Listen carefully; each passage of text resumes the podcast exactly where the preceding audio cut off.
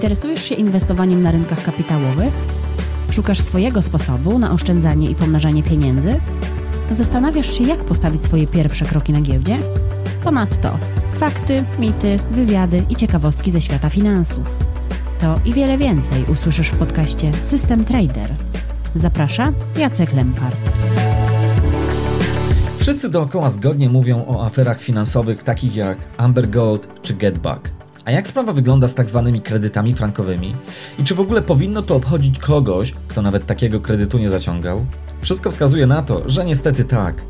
700 tysięcy obywateli, 400 miliardów złotych. Tak kształtuje się skala przeprowadzonej akcji kredytowej, w której to konsumenci podpisali umowy kredytowe oparte na franku szwajcarskim. Tymczasem w 10 lat od zakończenia akcji kredytowej z miesiąca na miesiąc przybywa wyroków sądowych, które orzekają całkowitą nieważność tych umów kredytowych. Dlaczego? Czym może się to skończyć, gdy liczba anulowanych umów osiągnie masę krytyczną? Na to pytanie odpowie niezwykły gość, Ryszard Styczyński. Pomimo, że na co dzień jest informatykiem, tematykę zagadnień prawnych tzw. Tak kredytów walutowych wszedł głębiej niż wielu prawników, zajmujących się tym zawodowo na co dzień. Tysiące godzin spędzone w poszukiwaniu prawdy, w tym spora część życia spędzona wręcz w Bibliotece Narodowej w Warszawie, sprawiło, że Ryszard zdobył absolutnie unikatową wiedzę. Tak unikatową, że spora część środowisk prawniczych uznaje jego osiągnięcia i wprost czerpie z jego dorobku. Uwaga! Tematyka jest na tyle obszerna i skomplikowana, że Ryszard postara się rozwikłać problematykę kredytów walutowych w dwóch, a być może nawet trzech sesjach podcastu. Gorąco zapraszam.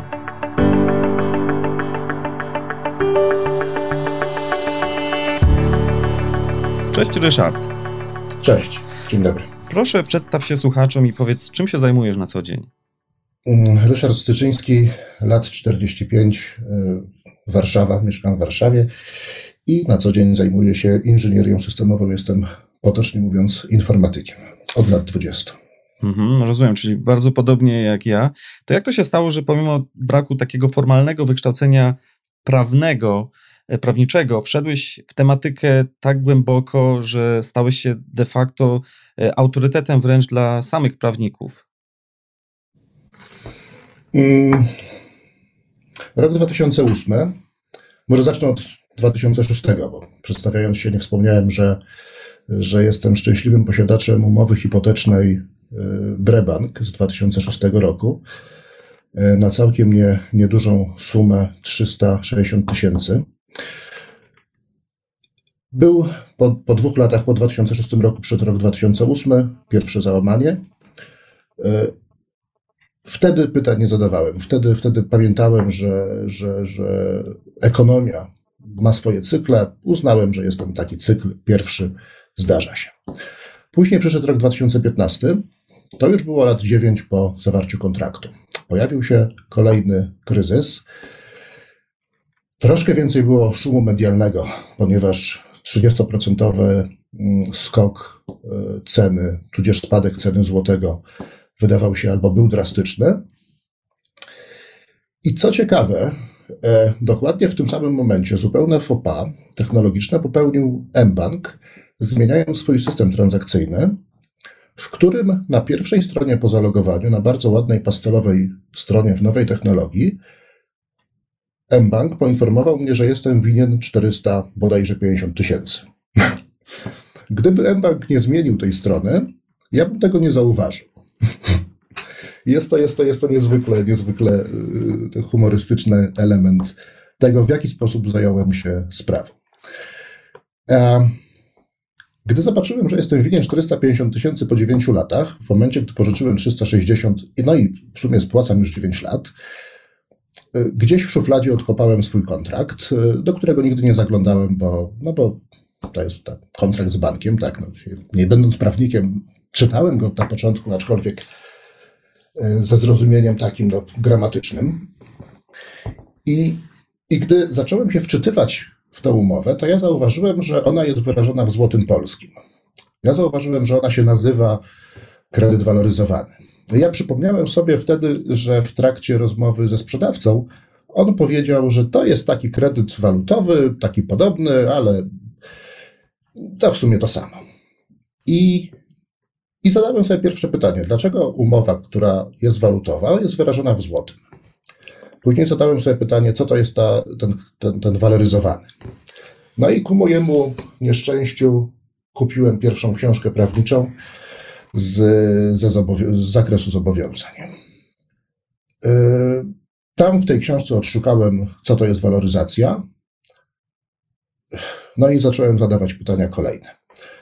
Yy, Ku, no w sumie ku radości wielu osób, bo, bo, bo te pytania doprowadziły mnie do kolejnych pytań, do kolejnych, do kolejnych, do kolejnych. Dlaczego, dlaczego y, tą ścieżką w sumie tak brnąłem? No pewnie dlatego, że jestem inżynierem. Pewnie dlatego, że, że bardzo podobne rzeczy wykonuję zawodowo, czyli analizuję skomplikowane systemy informatyczne. Prawo okazało się po, po, po pierwszych y, analizach tego, co czytam, prawo okazało się zupełnie czymś innym niż y, zwyczajowo uważamy, że zwykło, zwykliśmy mówić, że prawo jest zupełnie niezrozumiałym zlepkiem jakichś tam sformułowań, e, które każdy może odczytać wedle, wedle swojego e, widzimisię. E, Jak gdy zacząłem na prawo na początku patrzeć od właśnie okiem informatyka, nie programisty, aczkolwiek troszkę też, też programuję, dostrzegłem w prawie system który, jak się później okazało, miałem dobrą intuicję czy dobre spostrzeżenie, ponieważ system prawa jest systemem, a paragrafy są, można je porównać do języka programowania. I idąc, czytając na początku pierwszą książkę z zobowiązań, zauważyłem, że autorzy odwołują się do innej literatury siłą rzeczy, a także do orzeczeń sądowych, i gdy czegoś nie rozumiałem, odnajdywałem te, te publikacje. Mm, W publikacjach, które odnajdowałem, znajdowałem kolejne odwołania do kolejnych publikacji. I w ten sposób dotarłem do, prawdę mówiąc, prawa rzymskiego. moja, moja droga była dosyć, e, dosyć długa, 2000 lat wstecz. Yy, Myślę, że wykonałem właśnie dzięki analitycznemu podejściu do, do, do pracy. Wykonałem kawał analitycznej pracy.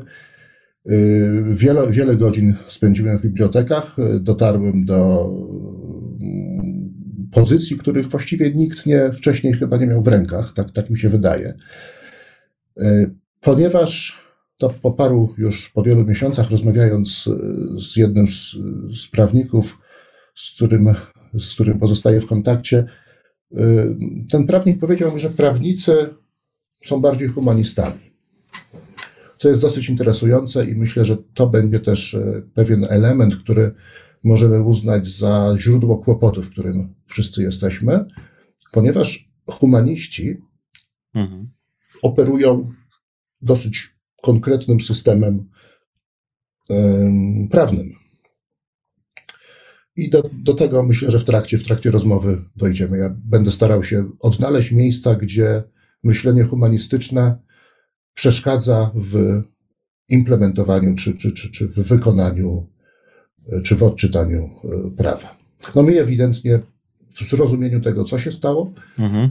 Pomógł analityczny umysł, ciężka praca. Y, Przedstawiając się, powiedziałem, że mieszkam w Warszawie. To pomaga, ponieważ mam dostęp do y, Biblioteki Narodowej, mam dostęp do bibliotek uniwersyteckich, y, w których spędziłem o, chyba dziesiątki godzin kserując, szukając, czytając publikacje. Mm, Też w trakcie swoich prac, czując jeszcze niedosyt, także dotarłem do archiwum Ministerstwa Sprawiedliwości, w którym y, zostałem, y, zostały mi udostępnione stenogramy z roku 86, gdy rząd Messnera rozpoczynał pracę nad drugim etapem reformy gospodarczej po pierestrojce. E, To jest zupełnie nieznany temat. E, Wtedy skopiowałem około 2000, ja myślę, że około 2000 stron stenogramów z prac Komisji Kodyfikacyjnej, która przygotowywała przepisy, które później e, ku przerażeniu wielu osób e, za em, które później zostały uchwalone jako przepisy prawa przez już e, wolno, wolny, wolny Sejm po okrągłym stole. To pokazuje, jak bardzo skomplikowana jest historia. E, Rynki kapitałowe, waloryzacja, wolność umów, e, wzor, wzorzec umowy, Te wszystkie rzeczy były modelowane w 1986 roku przez prawników pracujących na potrzeby mm, rządu PRL. No, niesamowita historia, bo z tego, co opowiadasz, to de facto można powiedzieć, że zrobiłeś drugi fakultet obok e, bycia informatykiem. E, wszedłeś w buty prawnika, przy czym poniekąd mając na to wszystko świeże spojrzenie i nieco inny umysł, mogłeś dotrzeć do rzeczy, które wydawały się, lub może się nadal, e, nadal tak jest, niedostępne dla prawników. Mm, tak. To, to, to muszę powiedzieć z, z pełną odpowiedzialnością, że tak. Zresztą to jest w świecie informatyki bardzo, bardzo pożyteczna rzecz, gdy pojawiają się nowe spojrzenia, pojawiają się nowi ludzie ze świeżym umysłem. Jak wiesz, rozwój świata informatyki, teraz przeżywamy e, rewolucję cloud, tak zwaną. E, mhm. niedawno przeżywaliśmy rewolucję internetową. E, rynek zmienia się nieprawdopodobnie dzięki temu, że przychodzą nowi ludzie, patrząc inaczej, odrzucają stare spojrzenia, e, patrzą w nowy, świeży sposób. Te, te zmiany przychodzą e, gdzieś tam ze świata zachodu, gdzie ludzie są bardziej pewnie zrelaksowani, żyją w troszkę inny sposób niż my, pewnie myślą bardziej o, o jutrze, a nie, nie o dziś. E, I to chyba się dzieje w świecie prawa, że, że niestety prawnicy, to będą troszkę gorzkie słowa, ale prawnicy nie myślą o jutrze, oni myślą o dziś. Oni myślą na studiach o tym pewnie, żeby, żeby zaliczyć kolejne, jak to na wszystkich studiach. Mając 45 lat, yy, wchodziłem w rynek. Yy, gdy miałem 18 lat bodajże, czy 19, mieliśmy ten, czy 16, mieliśmy ten, ten, tą, tą naszą yy, wspaniałą zmianę systemu, powiew wolności. Pamiętam na studiach parę lat później podszedłem do profesora matematyki, który starał się nas nauczyć matematyki, analizy matematycznej i przeprosiłem go za to, że jest tak niski poziom tak, i, i w naszej grupie, bo było mi wstyd. On powiedział, że, że to nie jest nasza wina, to nie jest specyfika naszej grupy. Tak jest od kilku lat.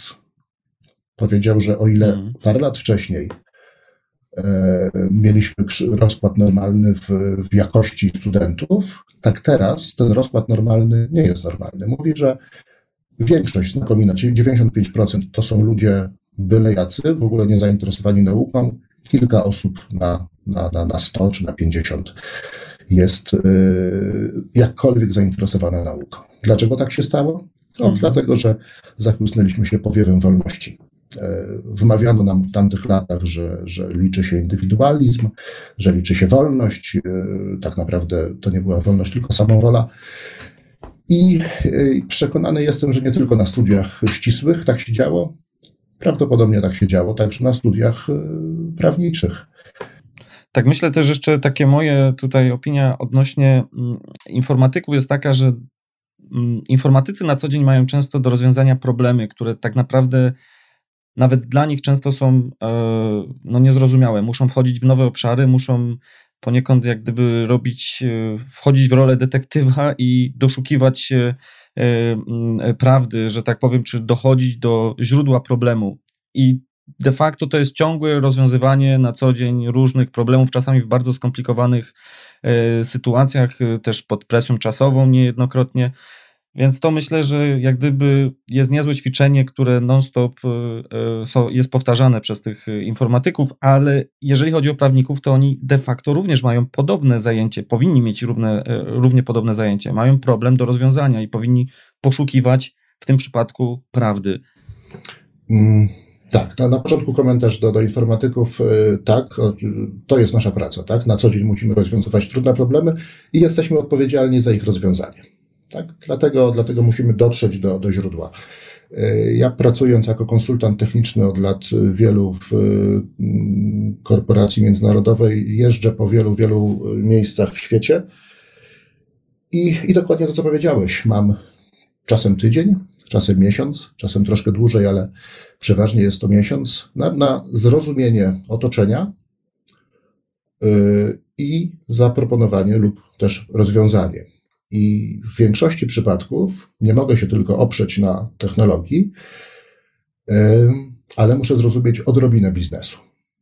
Mhm. Tak, czasem, czasem muszę kupić jakieś książki branżowe. Bardzo często po przeczytaniu pięciu stron już coś na tyle mogę zrozumieć, że, że, że jestem w stanie prowadzić komunikację. Ale to jest nasze życie i może właśnie dlatego, dzięki temu, że, że, że robię to, co robię zawodowo, byłem w stanie zrobić to, co zrobiłem w obszarze prawa. Czy prawnik robi to samo? Powiem nie. I tu jest, tu jest pewien problem, który, y, który też sam zrozumiałem niedawno i, i który spowodował, że, że, że moje decyzje w ostatnich y, tygodniach czy miesiącach y, no, troszeczkę powodują, że schładzam swoje zaangażowanie w to, co, to, co teraz robimy w obszarze bankowości. Dlaczego? Dlatego, że w systemie w środowisku prawniczym spróbujmy podzielić środowisko prawnicze na trzy główne e, grupy. E, pierwsza grupa to będzie świat naukowy, uniwersytety z pracownikami naukowymi. Druga grupa to będą praktycy prawa, adwokaci, radcowie prawni, a, a trzecia grupa to są sędziowie. Tak bym skategoryzował sobie świat prawa. E, I czy radca prawny, czy adwokat poszukuje prawdy? No i tu jest odpowiedź, miałem przyjemność rozmawiać e, z, z jednym z autorytetów prawa, który powiedział mi otwarcie, no nie. Radca prawny nie jest od szukania prawdy, czy, czy adwokat. Adwokat jest od reprezentowania interesu klienta w sądzie. I, i to jest ciekawe. Tak, i tutaj z, mhm. na tym styku pojawiły się pewne tarcia, ponieważ ja jestem, ja bardziej jestem w butach y, świata nauki uniwersyteckich, hobbystycznie i amatorsko, e, ponieważ ja szukam prawdy. I tym powinien zająć się uniwersytet. Rozumiem. I teraz jeszcze dodam tylko, zadam pytanie, czy uniwersytet zajmuje się poszukiwaniem prawdy. No i odpowiedź niestety jest y, bardzo negatywna, ponieważ uniwersytet nie zajmuje się poszukiwaniem prawdy. E, szczególnie w latach e, ostatnich po, po, po zmianie systemu, uniwersytet zajmuje się edukacją prawników. I tak naprawdę prawdy chyba nie poszukuje, przynajmniej ja tego nie dostrzegam. Czytając, czytając e, opracowania prawnicze, muszę z bólem serca powiedzieć, że opracowania z lat 50., 60., 70., no z 50. może gorzej, bo to było po wojnie, to jest inny temat, ale z, z lat 70. Te opracowania były pełne. One rzeczywiście były analizami. Gdy czyta się na przykład profesora Szpunara z Łodzi, on dzieli się swoimi opiniami, swoim, swoim rozumieniem. On zachęca do dyskusji w artykułach. Y, raczej nie powołuje się na orzeczenia sądowe, tylko używa swojego intelektu do, e, do przedstawienia e, na przykład swojego spojrzenia na możliwość waloryzacji pożyczki, co, co, co było w latach 90. dyskutowane. Co znajdziemy w książkach prawniczych z roku 2000, z lat 2000-2015? Kakofonia niezrozumiałych zdań e, w dużej mierze, e, kakofonia odwołań do wyroków sądów, e, kakofonia odwołań do literatury innej, której tak naprawdę autorzy bardzo często nie, nie zrozumieli, nie przeczytali. Tutaj mam taki bardzo fajny przykład.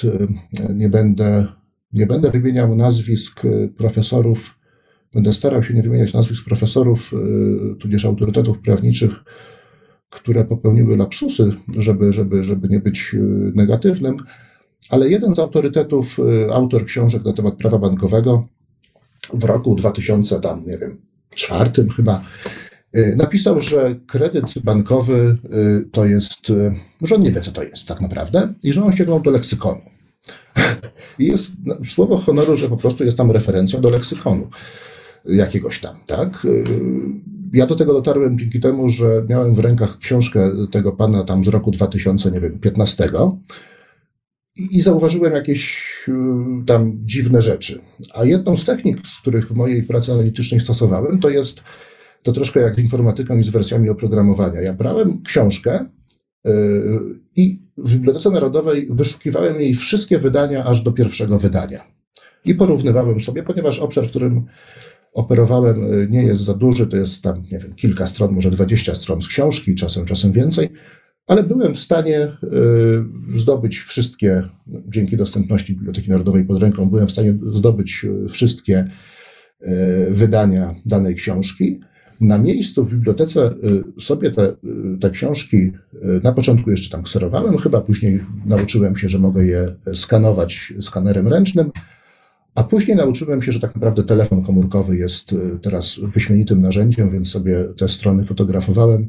Zresztą wykonując do tego, może kiedyś na blogu pokażę z pudełka po butach y, skaner przynośny. Y, osprzętowiłem się tak, żeby, żeby te, te książki móc sfotografować.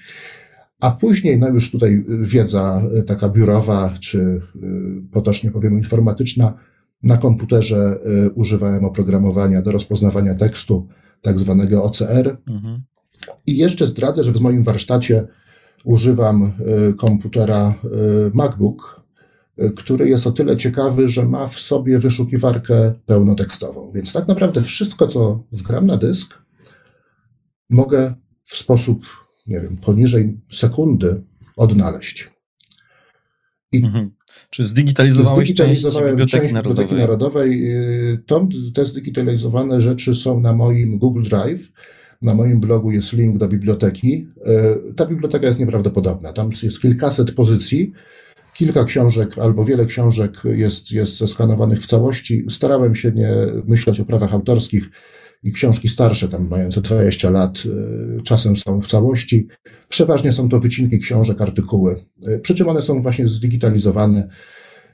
I zresztą mam, mam, jestem pewien, że wiele osób z tego, nie mam statystyk y, z Google Drive, ale wiem, że wiele osób z tego korzysta.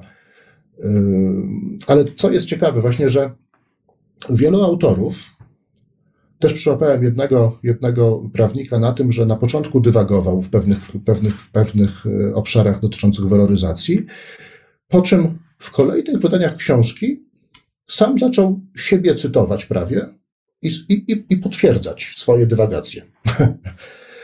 to, to jest naprawdę ciekawe, e, gdy się dostrzeże takie rzeczy. E, świat prawa tego nie dostrzega.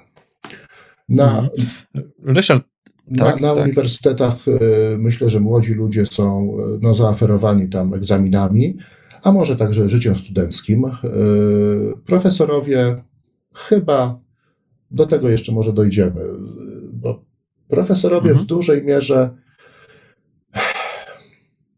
w dużej mierze profesorowie pamiętają tamten okres. Ja docierając do, to teraz będzie troszkę gorzkie, co powiem, ale Przejdę teraz może już do tej, do, do, do części uniwersyteckiej, bo, bo y, cały czas omawiam zachowanie radców prawnych czy, czy adwokatów i to, dlaczego oni y, może nie, niekoniecznie tam wczytują się zbyt głęboko. Y, dlaczego uniwersytety są troszeczkę zamrożone? Ja myślę, że, że cały czas płacimy cenę za, za formę transformacji, jaką wykonano. E, wspomniałem wcześniej, że system prawa, który teraz znamy, e, także rynek kapitałowy, giełda, to wszystko było stworzone w 86 roku, 85 rok. E, zmiana systemu, zmiana ekonomiczna, plan Balcerowicza, nam się wydaje, że to powstało tam na fali euforii wolnościowej. Nieprawda. To, to musiało być przygotowane dekady wcześniej. To są zbyt skomplikowane rzeczy. Zresztą zmianę systemu przeprowadzono w sposób wyśmienity, y, tak mi się wydaje, y, abstrahując od, od, od, od kosztów społecznych. I w stenogramach, które, do których dotarłem, ku mojemu przerażeniu y, albo zaskoczeniu, dostrzegłem nazwiska prawników, którzy nas teraz otaczają.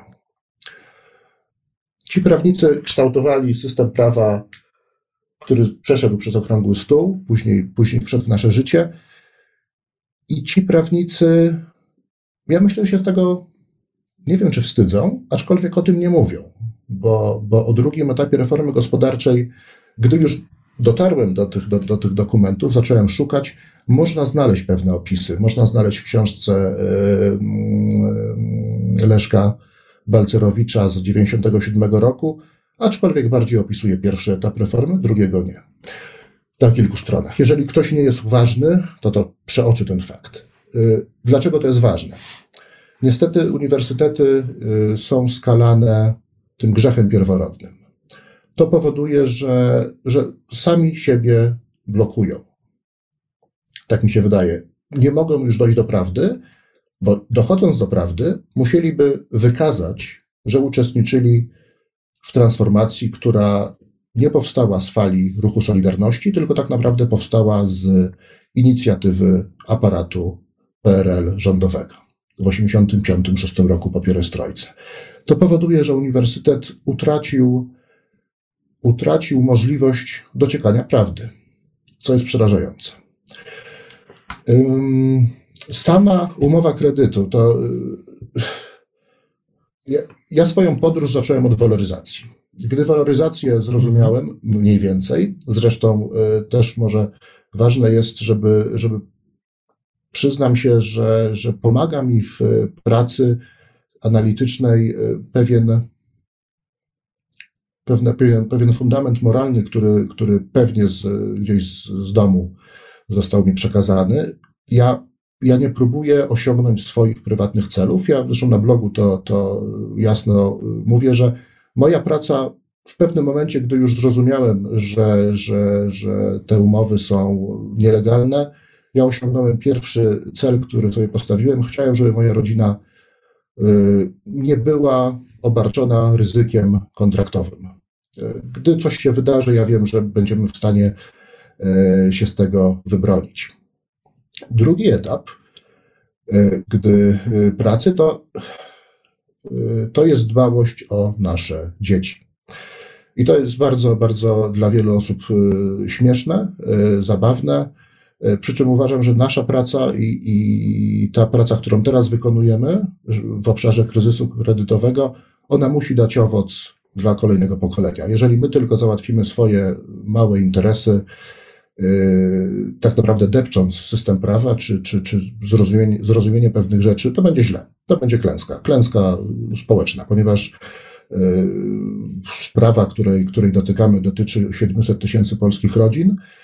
Y, to jest kapitałowe, ja kiedyś próbowałem to policzyć, to jest coś pomiędzy 150 chyba 200 miliardów złotych. Y, kiedyś porównałem to, popraw mnie, jeżeli się mylę, y, do, do kapitalizacji giełdy warszawskiej, może tam przed iluś lat. Nie wiem, jaka teraz jest kapitalizacja giełdy. Ja już w tym momencie też nie przyznam, nie, nie wiem, jaka jest kapitalizacja GPW. Można to za chwilę sprawdzić. Ja nawet podlinkuję może pod rozmową, żeby no to, to ciekawe, porównać. Bo, mhm, bo mhm. Obszar, w którym operujemy, jest gigantyczny. Tak, moim zdaniem jest to. Zresztą, mhm. zresztą są to oszczędności całego życia jednego pokolenia. To też tak możemy, możemy tak to. A powiedz mi, Ryszard, y, ponieważ za chwilę wejdziemy głębiej w szczegóły kredytów y, hipotecznych, tych tak zwanych walutowych kredytów hipotecznych, ale powiedz mi, czy y, ten problem dotyka też poniekąd, mówię, kredytów hipotecznych, kredytów, które były udzielane e, w polskim złotym. E, pytam tu głównie w aspekcie chociażby ryzyka mm, już no nie walutowego, ale ryzyka stopy procentowej, bo dziś mamy historycznie niskie stopy procentowe, tak niskie stopy procentowe, jakie jeszcze nigdy w historii Polski nie były. I część społeczeństwa, podejrzewam, że niestety bardzo duża część społeczeństwa, nie ma świadomości ryzyka zadłużania się w polskim złotym. A wystarczy sobie na przykład spojrzeć, to są właściwie z ostatnich godzin wydarzenia tego, co się dzieje w Turcji, e, jak e, może zostać zmasakrowana e, waluta narodowa, co się może dziać ze stopami procentowymi i dla wyobrażenia, gdyby na przykład złoty dziś nagle za euro by przyszło nam płacić na przykład 10 zł, 15 zł, a stopy procentowe nagle by wzrosły na poziom 10, 15, 20%, to co by się wówczas mogło wydarzyć z tym zadłużeniem, e, które było brane właśnie w narodowej walucie? Czy ten problem tutaj też dotyka e, tego typu kredytów? Tak, jak najbardziej. I to, i, i to się wiąże troszkę z, z tymi górnolotnymi myślami, które przed chwilą mówiłem. Mm, system bankowy na, ale przede wszystkim chyba społeczeństwo bo, bo, bo to, co się dzieje, to nie jest wina tylko systemu bankowego, to jest wina całego społeczeństwa, to troszkę jak w, w, w sketchu Monty Pythona. Yy, dlaczego? Dlatego, że wynika to z poziomu edukacji. Tak dobrze są prawnicy, jak dobrze, jak dobrze się uczyli w szkole. Tak dobrze my rozumiemy umowy, czy my rozumiemy pewne rzeczy, jak wzięliśmy lekcje z poprzednich yy, wydarzeń. W systemie, w systemie bankowym yy, możemy ja bym spróbował może takie trzy główne albo dwa wydarzenia. Pierwszy to był pierwszy zestaw wydarzeń, to był początek lat 90. Nie wiem, czy wiesz, że, że wtedy, w 89 roku, zresztą przed okrągłym stołem, banki otrzymały, to zresztą było na potrzeby reformy Balcerowicza, żeby wycofać e, pieniądze z, z rynku, banki otrzymały prawo do zmiennego oprocentowania do zmiany oprocentowania. I co zrobiły banki? Banki zaczęły sobie oprocentowanie zmieniać, jak im się żywnie chciało.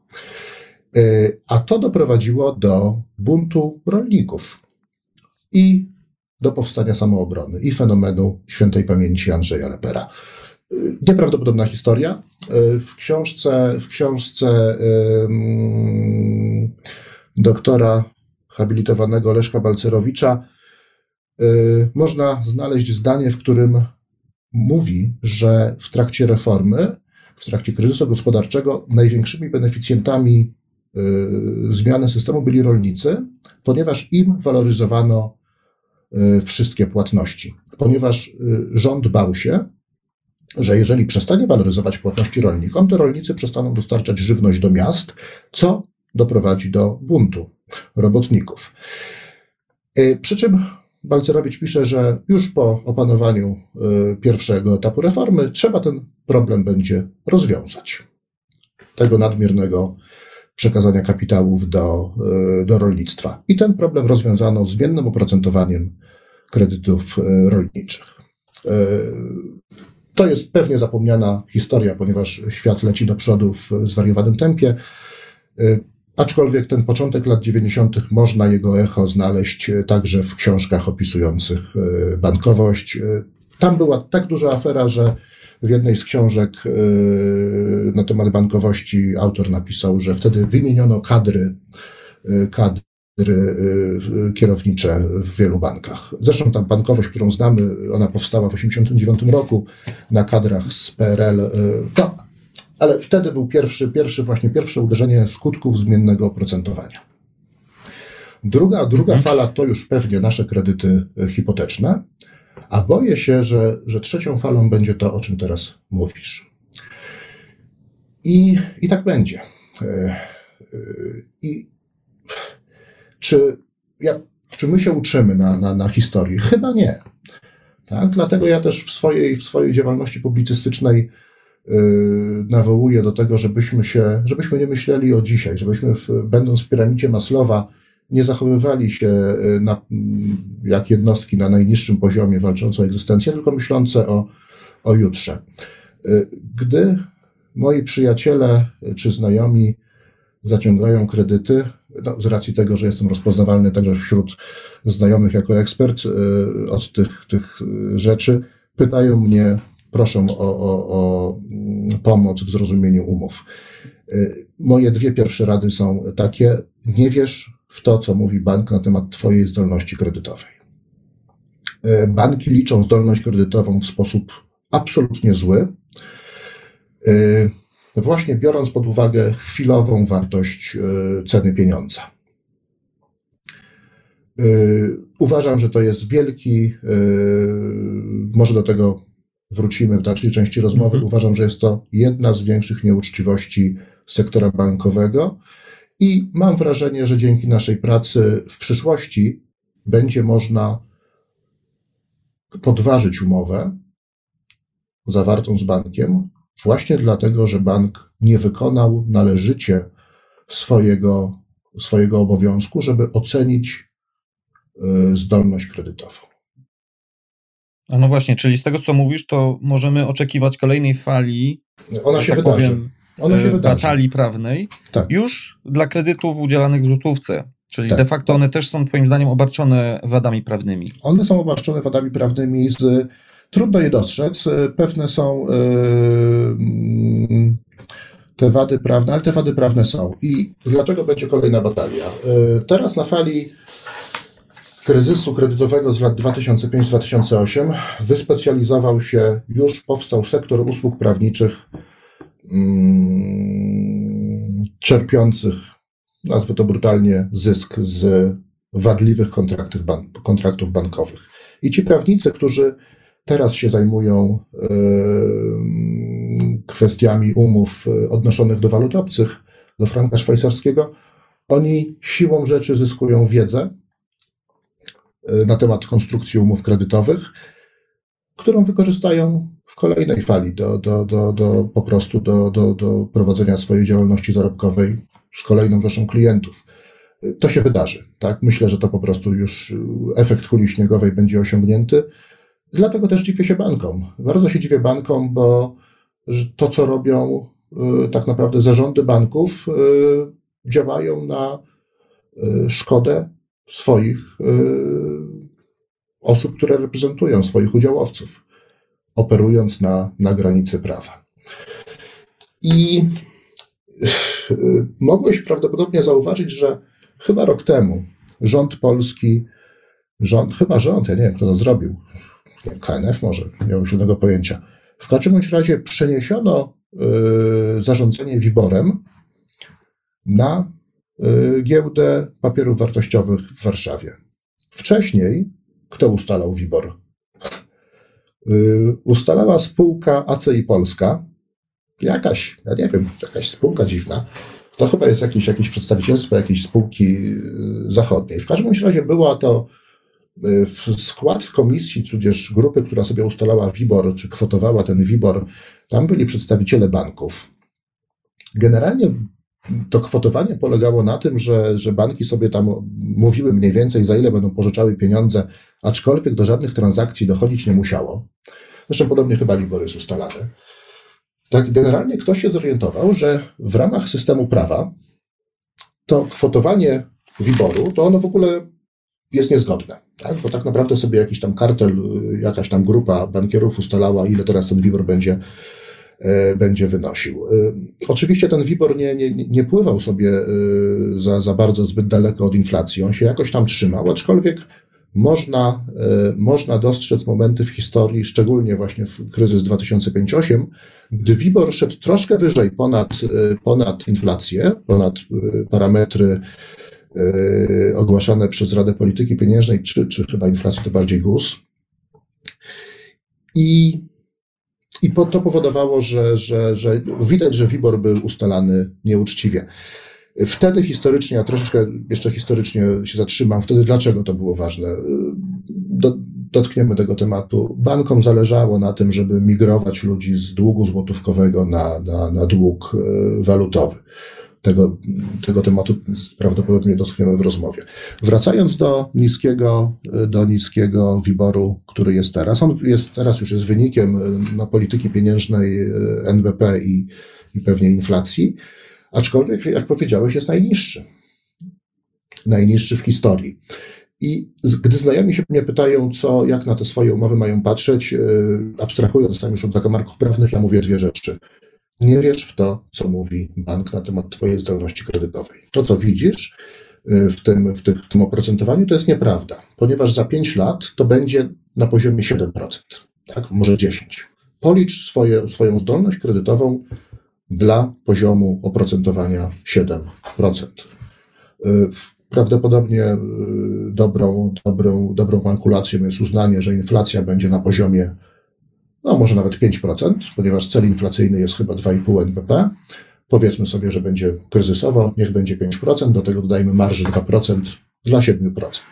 Jeżeli będzie powyżej, no to już będzie wydarzenie tam jakieś chyba takie mhm. bardziej ekonomiczne. Załóżmy, że wtedy rząd jest zobligowany do tego, żeby no, jakoś, e, jakoś zainterweniować. I druga rzecz, którą, którą, zwraca, którą zwracam uwagę, to są raty stałe. Co powoduje rata stała? Tak, e, w sumie nadużywana chyba w Polsce. Rata stała powoduje, że od strony matematycznej, to jest taka śmieszna konstrukcja, tam zbilansowany jest zmienność kapitału, tak żeby naliczane odsetki dawały ratę stałą. I to powoduje, że kapitał, że dług spłacany jest powoli.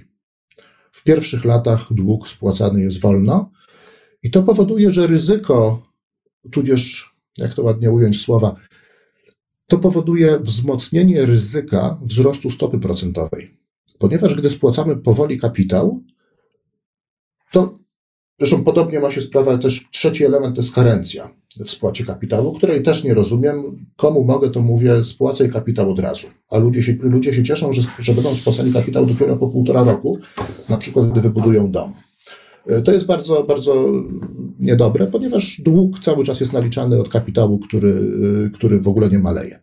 I teraz, gdy za 5 lat wzrośnie, e, wzrośnie inflacja, ona musi wzrosnąć. Zresztą na razie uważam, że NBP, na tyle na ile znam się na, na finansach, NBP na razie sprzeniewierza się swoim obowiązkom, ponieważ celem inflacyjnym Narodowego Banku Polskiego jest 2,5% inflacji. Inflacja jest niezbędna w gospodarce, ponieważ pieniądz musi tracić na wartości, żeby, żeby był e, wprowadzany w ruch. Inaczej każdy będzie trzymał pieniądz w skarpecie i, i, i tam gospodarka sobie się zamrozi.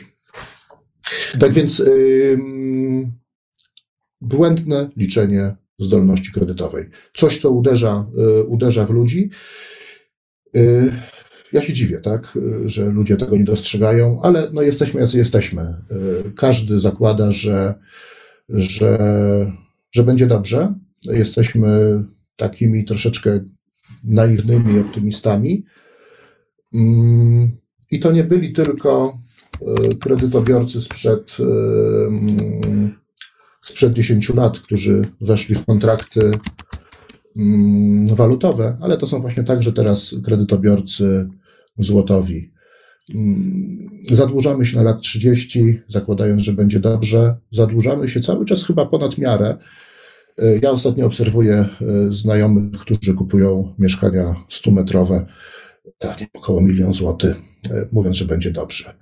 Wiesz, Ryszard, ja nie chcę nikogo obrazić, ale być może to jest taka nowoczesna, nowoczesna forma bycia chłopem pańszczyźnianym po prostu. Troszkę tak, tak. To znaczy na pewno od strony tutaj, gdybyśmy weszli w inżynierię społeczną, e, myślę, że tak, tak. Ja, ja też dostrzegaję, analizując kwestie kredytowe, w pewnym momencie dostrzegłem, że, że świat nie jest. Znaczy, jesteśmy także poddawani, albo po prostu jesteśmy poddawani y, inżynierii społecznej Taki jest obowiązek rządu e, naszego, no, żeby nami rządzić. I, i, I tak, tak. No, chłop pańszczyźniany kiedyś, zresztą mnie w szkole uczono, że dziesięcina była zła. Teraz Właśnie, chyba, że było to dużo. no to było dużo. Ktoś się pomylił, tak? Teraz płacimy 60% podatku. Jak to wszystko sumować, tak? No, e, ten chłop pańszczyźniany mógł mieć trochę, trochę, trochę lżej. E, no teraz jakby chłop miał, e, jakby robotnik e, czy pracownik miał 10% podatku, to byłby szczęśliwy. Mm, więc tak, no, inżynieria społeczna na pewno za, za zmuszenie ludzi do, do tego, żeby. Znaczy, to już jest trudny temat, tak? Nie będę, nie będę w to wchodził, bo, mhm. bo, bo też nie jestem tutaj socjologiem. Ale, ale tak, no ale świat, świat, świat na tym bazuje. Przy czym mógłbym powiedzieć tylko tyle, że z tego, co, co wiem, to na Zachodzie, w krajach rozwiniętych, te długi hipoteczne są za, zawierane chyba na, na, na krótszy okres. 30 lat to jest bardzo dużo. 15 lat z tego, co. co tak, a druga rzecz. Y, ja na przykład akurat teraz dużo przebywam w Belgii i wiem, że nie wiem czy wszystkie, ale na pewno większość kredytów hipotecznych y, ma stałe oprocentowanie. Także tutaj. Chciałem do tego dojść. Dziękuję, że się o tym wspomniał, bo jaki jest kolejny grzech? Pierworodny grzech, y, może nie pierworodny, o pierworodny chyba troszkę już powiedzieliśmy, ale kolejny grzech y, sektora bankowego. Ja w swojej wczesnej publicystyce używałem tego argumentu Teraz chyba coraz mniej, bo a może powinienem powtarzać te, te argumenty wcześniejsze, bo gdyby były trafne. Sektor bankowy jest bardzo, to jest bardzo skomplikowany kawałek wiedzy. Niezwykle skomplikowany obszar naszego życia, który zatrudnia bardzo mądrych ludzi. Zatrudnia prawników, zatrudnia firmy konsultingowe prawnicze, ale także zatrudnia finansistów oraz matematyków. Pewnie finansiści powinni być matematykami, powinni znać aparat matematyczny. I jeden ze znajomych, e, który pracuje w sektorze bankowym, powiedział mi, że tak naprawdę bank od wielu, wielu lat stał się instytucją ubezpieczeniową. E, kwestia aktuariatu, kwestia analizy ryzyka to jest chleb codzienny bankowości. Zresztą tutaj troszeczkę to jest taka te, te, teoria spisku. Ja nie wiem, dlaczego rząd czy, czy NBP tam za bardzo o tym nie mówi. Y, a już w ogóle przy tych kredytach walutowych to, to tam to jest w ogóle jakoś pomijane, ale jest wiedzą, tutaj użyję takiego ładnego słowa prawniczego, notoryjną, że system bankowy kreuje pieniądz. I jest wiedzą także, no, chyba już mogę powiedzieć, że ogólnie znaną, wręcz właśnie notoryjną, nie wymagającą już jakiegokolwiek dowodu, że pieniądz kreowany jest z długu. Pewnie są różne formy kreacji pieniądza. W Zimbabwe na przykład e, drukowano pieniądz wedle zamówień tam chyba tam jakiegoś, jakiegoś wataszki. Doszli do tego, że, że bilion ich dolarów zimbabwijskich to była równowartość chyba dolara amerykańskiego, czy tam 100 dolarów. To, zdjęcie raz widziałem, to pół metra było banknotów. Podobno drukarnia w Niemczech e, po prostu przestała drukować im te pieniądze, bo oni nie byli w stanie za papier zapłacić i za usługę. Czyli można tak drukować pieniądz, tak? Można drukować, można kreować pieniądz, taki, który robiono w PRL-u, chociaż tam nie wiem, jak, jak robiono, prawdę mówiąc. No ale świat zachodu, y, który, y, który wie, jak się to robi, powiedzmy tak, oparł pieniądz na długu. Na czym to polega? Jeżeli ja się zobowiązuję do tego, że zapłacę jakieś, jakieś pieniądze, to ja ten dług muszę się z niego wywiązać, tak? I teraz i teraz y, poprzez jakąś niezwykle skomplikowaną y, statystykę, matematykę i raportowanie przeróżne, gdzieś na końcu po takiej, po takiej dziwnej maszynerii finansowej, patrząc w raporty, Narodowy Bank Polski wie, że musi dostarczyć na rynek tyle a tyle pieniądza, żeby ludzie byli w stanie zapłacić swoje zobowiązania. Tak to wygląda. Tylko do, do czego to prowadzi? Do tego, że bank jest niezwykle inteligentną organizacją i niezwykle mądrą, posiadającą niezwykle duże możliwości analizy ryzyka. I bank, i banki światowe, czy banki na świecie z tego korzystają. Banki w Polsce, jak na razie, umywają ręce, przerzucając tyle ryzyka, ile to możliwe, czyli w naszym przypadku chyba 100%, na nas, klientów. I to się wydarzyło zarówno w e, latach 2005-2008, gdy wyemitowano umowy kredytowe odnoszone do waluty obcej, jak i to się dzieje teraz przy zmiennym oprocentowaniu. Zmienne oprocentowanie jest chyba niespotykane na świecie. Tak mi się wydaje. Na tyle, na ile spoglądałem yy, jakiś czas temu na, na różne oferty banków, o, teraz dzięki sieci internet można E, można sobie gdzieś tam e, przynajmniej zobaczyć kalkulatory różnych, różnych banków e, w innych krajach. Raczej jest oferowane oprocentowanie stałe na ileś lat, tak, na okres pięciu mhm. lat. Mhm. Ryszard, a z czego w ogóle się wzięło, jakbyśmy tak przeszli powoli do kredytów teraz walutowych? Zanim wejdziemy w takie szczegóły, gdzie tu jest w ogóle problem z tymi kredytami walutowymi, to z czego się w ogóle wzięła popularność kredytów walutowych w Polsce? Dlaczego ludzie zaczęli E, wybierać kredyty walutowe na przykład e, wyrażone frankiem szwajcarskim, chociaż tak naprawdę mówię, że tam dług i tak był zapisany w złotówkach, ale powiedzmy było tak, że ludzie woleli zadłużać się w cudzysłowie powiedzmy we franku szwajcarskim czy w innych walutach, jak chociażby w euro. Niektórzy też chyba próbowali, nie wiem, jena japońskiego. Z, z, z czego się to brało? Temat y, no, na pewno z z, z bardzo ludzkiej, e, od strony konsumentów, tak? z bardzo ludzkiej takiej e, cechy, no, że chcemy zapłacić mniej i lubimy okazję. A tak naprawdę człowiek ma, to w Polsce jest niewidoczne w tak dużej skali, ale ale w innych krajach no, widzimy, że, że, że ludzie po prostu uprawiają hazard. I tyle. No ale to tak troszkę humorystycznie. Ale bardziej, bardziej analitycznie. No, to się nie bierze samo z siebie, tak? To, to że ja chcę zadłużyć się i, i też ryzykować i w ogóle tam, no to no, każdy chce pewnie tanio i dobrze. No ale od tego jest aparat państwa, żeby, żeby do pewnych rzeczy nie, y, nam nie zezwalać, nam dawać dostępu. No, na przykład dobrym przykładem są wyroby tytoniowe, a może narkotyki także, alkohol. No, z jakichś powodów y, pewne rzeczy są zabronione, a inne rzeczy mają na tyle dużą akcyzę, że po prostu są trudno dostępne. Tak? To jeszcze w Polsce to jest w Polsce, ale na przykład w takiej Szwecji, żeby się napić dobrego alkoholu, to ten biedny Szwed musi wsiąść na prom i, i, i poza granicą Szwecji dopiero może za jakieś normalne pieniądze y, skorzystać z upojenia alkoholowego, bo, bo rząd szwedzki mu to skutecznie uniemożliwia, łącznie z rejestrowaniem, ile tego alkoholu kupił. Tak jest to natura ludzka, tak? To jest natura ludzka, yy, także chcemy. I teraz pytanie z drugiej strony. I teraz yy, bardzo tak analitycznie już, ja, ja, ja przyznam się, że szukałem yy, i znalazłem źródło tego fenomenu.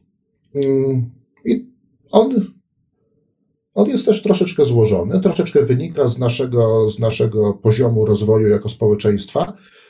E, niestety z pogardy do systemu prawa, e, z pogardy do chyba w ogóle tam jakichś innych systemów nie, moralnych, czy, a także z wrodzonego jakiegoś takiego cwaniactwa. To już mówię po stronie, po stronie bankierów.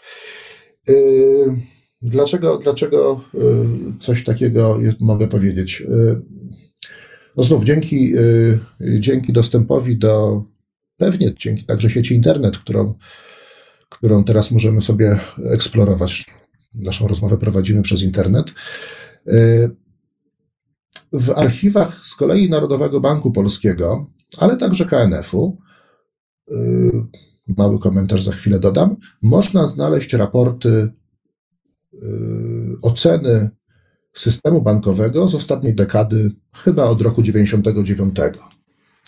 Ciekawostką jest, że teraz taka dygresja, że KNF po ostatnim ataku hakerskim, gdy zmienił, y, gdy KNF zmienił swój system, y, swoje strony internetowe, w magiczny sposób w tym samym momencie zablokował albo usunął ze swoich publicznych zasobów stare, stare historyczne analizy Komisji Nadzoru Bankowego.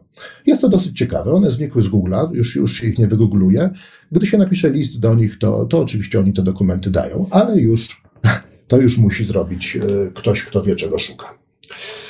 I troszkę inaczej jest na stronach NWP, tam nadal są te historyczne rzeczy. I gdzieś w okolicy roku 2000, teraz dokładnie nie pamiętam, musiałbym te dokumenty odnaleźć, ale tam jest fajny opis. Dlaczego banki idą w kierunku, wtedy jest używana nazwa indeksacja. Gdy będziemy mówić o typach umów, to, to rozwinę, czym jest to nieczęsta indeksacja. I co jest napisane w raportach rocznych Komisji Nadzoru Bankowego? Napisane jest, że sektor bankowy szuka dróg do tego, aby sprzedawać swoje produkty w sytuacji wysokiej inflacji. Gdy stopy procentowe pieniądza lokalnego są na tyle wysokie, że bank nie może zaoferować długu swoim klientom, ponieważ ten dług będzie miał tak absurdalną wartość, że, że nikt tego nie, takiego kontraktu nie, nie podpisze, banki zaczęły szukać możliwości właśnie w oferowaniu kontraktów dłużnych opartych na walucie obcej. Czyli, czyli to jest podaż, tak? To jest po stronie podaży. Bank jako instytucja, bank to jest maszyneria. Bank zatrudnia sobie tam, nie wiem, dziesiątki tysięcy osób, ma swoje rachunki do zapłacenia także, pewnie też płacą rachunki. Nie jest tak, że bank sobie te pieniądze kreuje znikąd. Tak? On musi sprzedawać produkty. Głównym produktem e, bankowym w, naszej, w, naszym, w naszym systemie bankowym jest, e, jest kredyt. I teraz, gdy bank nie może sprzedawać y, swoich produktów, ponieważ stopa, stopa procentowa jest zbyt wysoka, no bank szuka nowych dróg. No i taką właśnie drogę znaleziono w, w, w indeksacji. Czy, czy to jest zgodne z systemem prawa? No odpowiedź jest nie. Czy to kogoś interesowało? Nie. I to jest, i to jest kolejny fenomen już, już czy inżynierii społecznej, czy, czy generalnie organizacji społeczeństwa. To jest pewnie pytanie o drogę, w jaki sposób powinien, powinien, powinna społeczność czy społeczeństwo być zarządzane. Niestety to, co widzę, to, to pogardę dla systemu prawa. Ona, ta pogarda tak naprawdę, ona gdzieś się zrodziła chyba w latach PRL. Dlaczego? Dlatego, że wojna skutecznie przerwała ciągłość intelektualną Polski. Yy, po wojnie yy, z powodów też doktrynalnych wyeliminowano z rynku yy, prawników tudzież pewnie także po prostu bankierów, których nie było, bo, bo, bo bankowość, e, bankowość e, świata PRL była zupełnie inna. E, ale wyeliminowano prawników. Prawnicy nie zajmowali się przez lat 50 pieniądzem, czy inflacją, czy kontraktami w, w świecie inflacji, czy ceną kredytu, bo, bo tego nie było, to było ukrywane w świecie PRL. I, mhm. I gdy już można było, działać, gdy był, gdy, był, gdy był wolny rynek, gdy stworzono, e, gdy odchodzący, oddający władzę rząd PRL, e, tak naprawdę to warto podkreślić, że system bankowy nasz został stworzony znów nie po okrągłym stole, tylko była to jedna z, był to element pakietu e, implementacyjnego, drugi etap reformy jeszcze przed okrągłym stołem, tam chyba styczeń 89 czy, czy, czy grudzień 88, to fenomenalna historia. Wtedy stworzono sektor bankowy. I ci ludzie nie mieli, y, ja wcześniej o tym wspominałem, o Leperze i tej historii, kadry bankowe nie były dostatecznie wyedukowane. Ci ludzie robili no, tak dobrze, jak, jak, jak, jak, jak potrafili. No i jeden, jeden, jedna z koncepcji, która gdzieś tam może przyszła ze świata finansów, to była ta indeksacja. Indeksacja y, na rynkach y, tam tych chyba derywatyw, czy, czy jakichś innych rzeczy, kto się chyba kapitałowych tak nazywa, czy czy papierów dłużnych, no indeksuje tam się coś do czegoś czasem.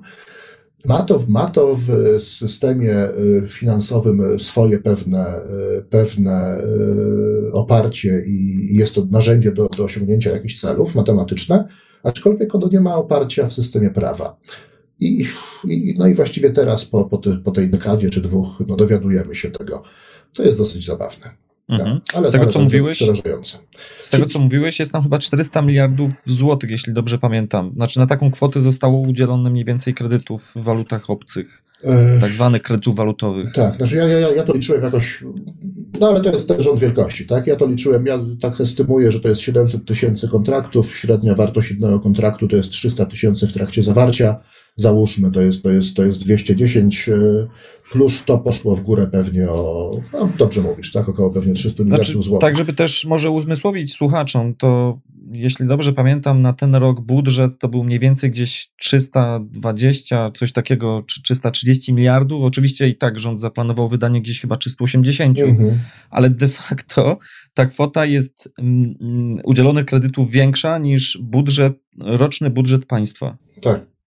To jest tak, to jest tak żeby tylko uzmysłowić tak, ludziom to, rząd wielkości. To jest ważne, żeby ten rząd wielkości rozumieć, tak? I jeszcze właśnie, spytałeś, dlaczego kredyty odnoszono do walut obcych? No dlatego, że po prostu sektor bankowy mógł je sprzedawać. Mhm. Y, wcześniej powiedziałem y, o ryzyku. Sektor bankowy mógł je sprzedawać, przerzucając całe ryzyko na klienta. To jest chyba też niespotykane w świecie coś takiego tak naprawdę sektor bankowy, mimo że, i tą myśl tam rozwinąłem, tak bardzo pogłębiłem, mimo że sektor bankowy dysponuje nieprawdopodobnie wielką, wielkim potencjałem intelektualnym, aparatem matematycznym, aparatem analizy ryzyka, sektor nie wykorzystuje tej wiedzy. Znaczy on, on prawdopodobnie nie jest zmuszony przez regulatora, przez, przez yy, czy ustawodawcy na początku, nie jest zmuszony do tego, żeby działać w sposób odpowiedzialny, ponieważ całe ryzyko jest po stronie klienta. To jest fenomen chyba polskiej raczkującej bankowości, bo musimy, ja staram się być obiektywny w swoich analizach, nie, nie, nie chcę czarownic łapać, chociaż wiele jest czarownic w, tym, w, tym, w, tym, w tej aferze, ale uświadommy sobie, że kadry, te kadry bankowe, one też, one od 20 lat się uczą. Tak? Gdzieś pewnie w Warszawie jest katedra bankowości na SGH. Tam jacyś tam ludzie z tamtej, z tamtej epoki są cały czas dziwni. To wymaga to wymaga czasu. E, ta bankowość jest no taka jak, jak, jak, jak reszta społeczeństwa. No, niestety ja doszedłem do, do takiej wiedzy.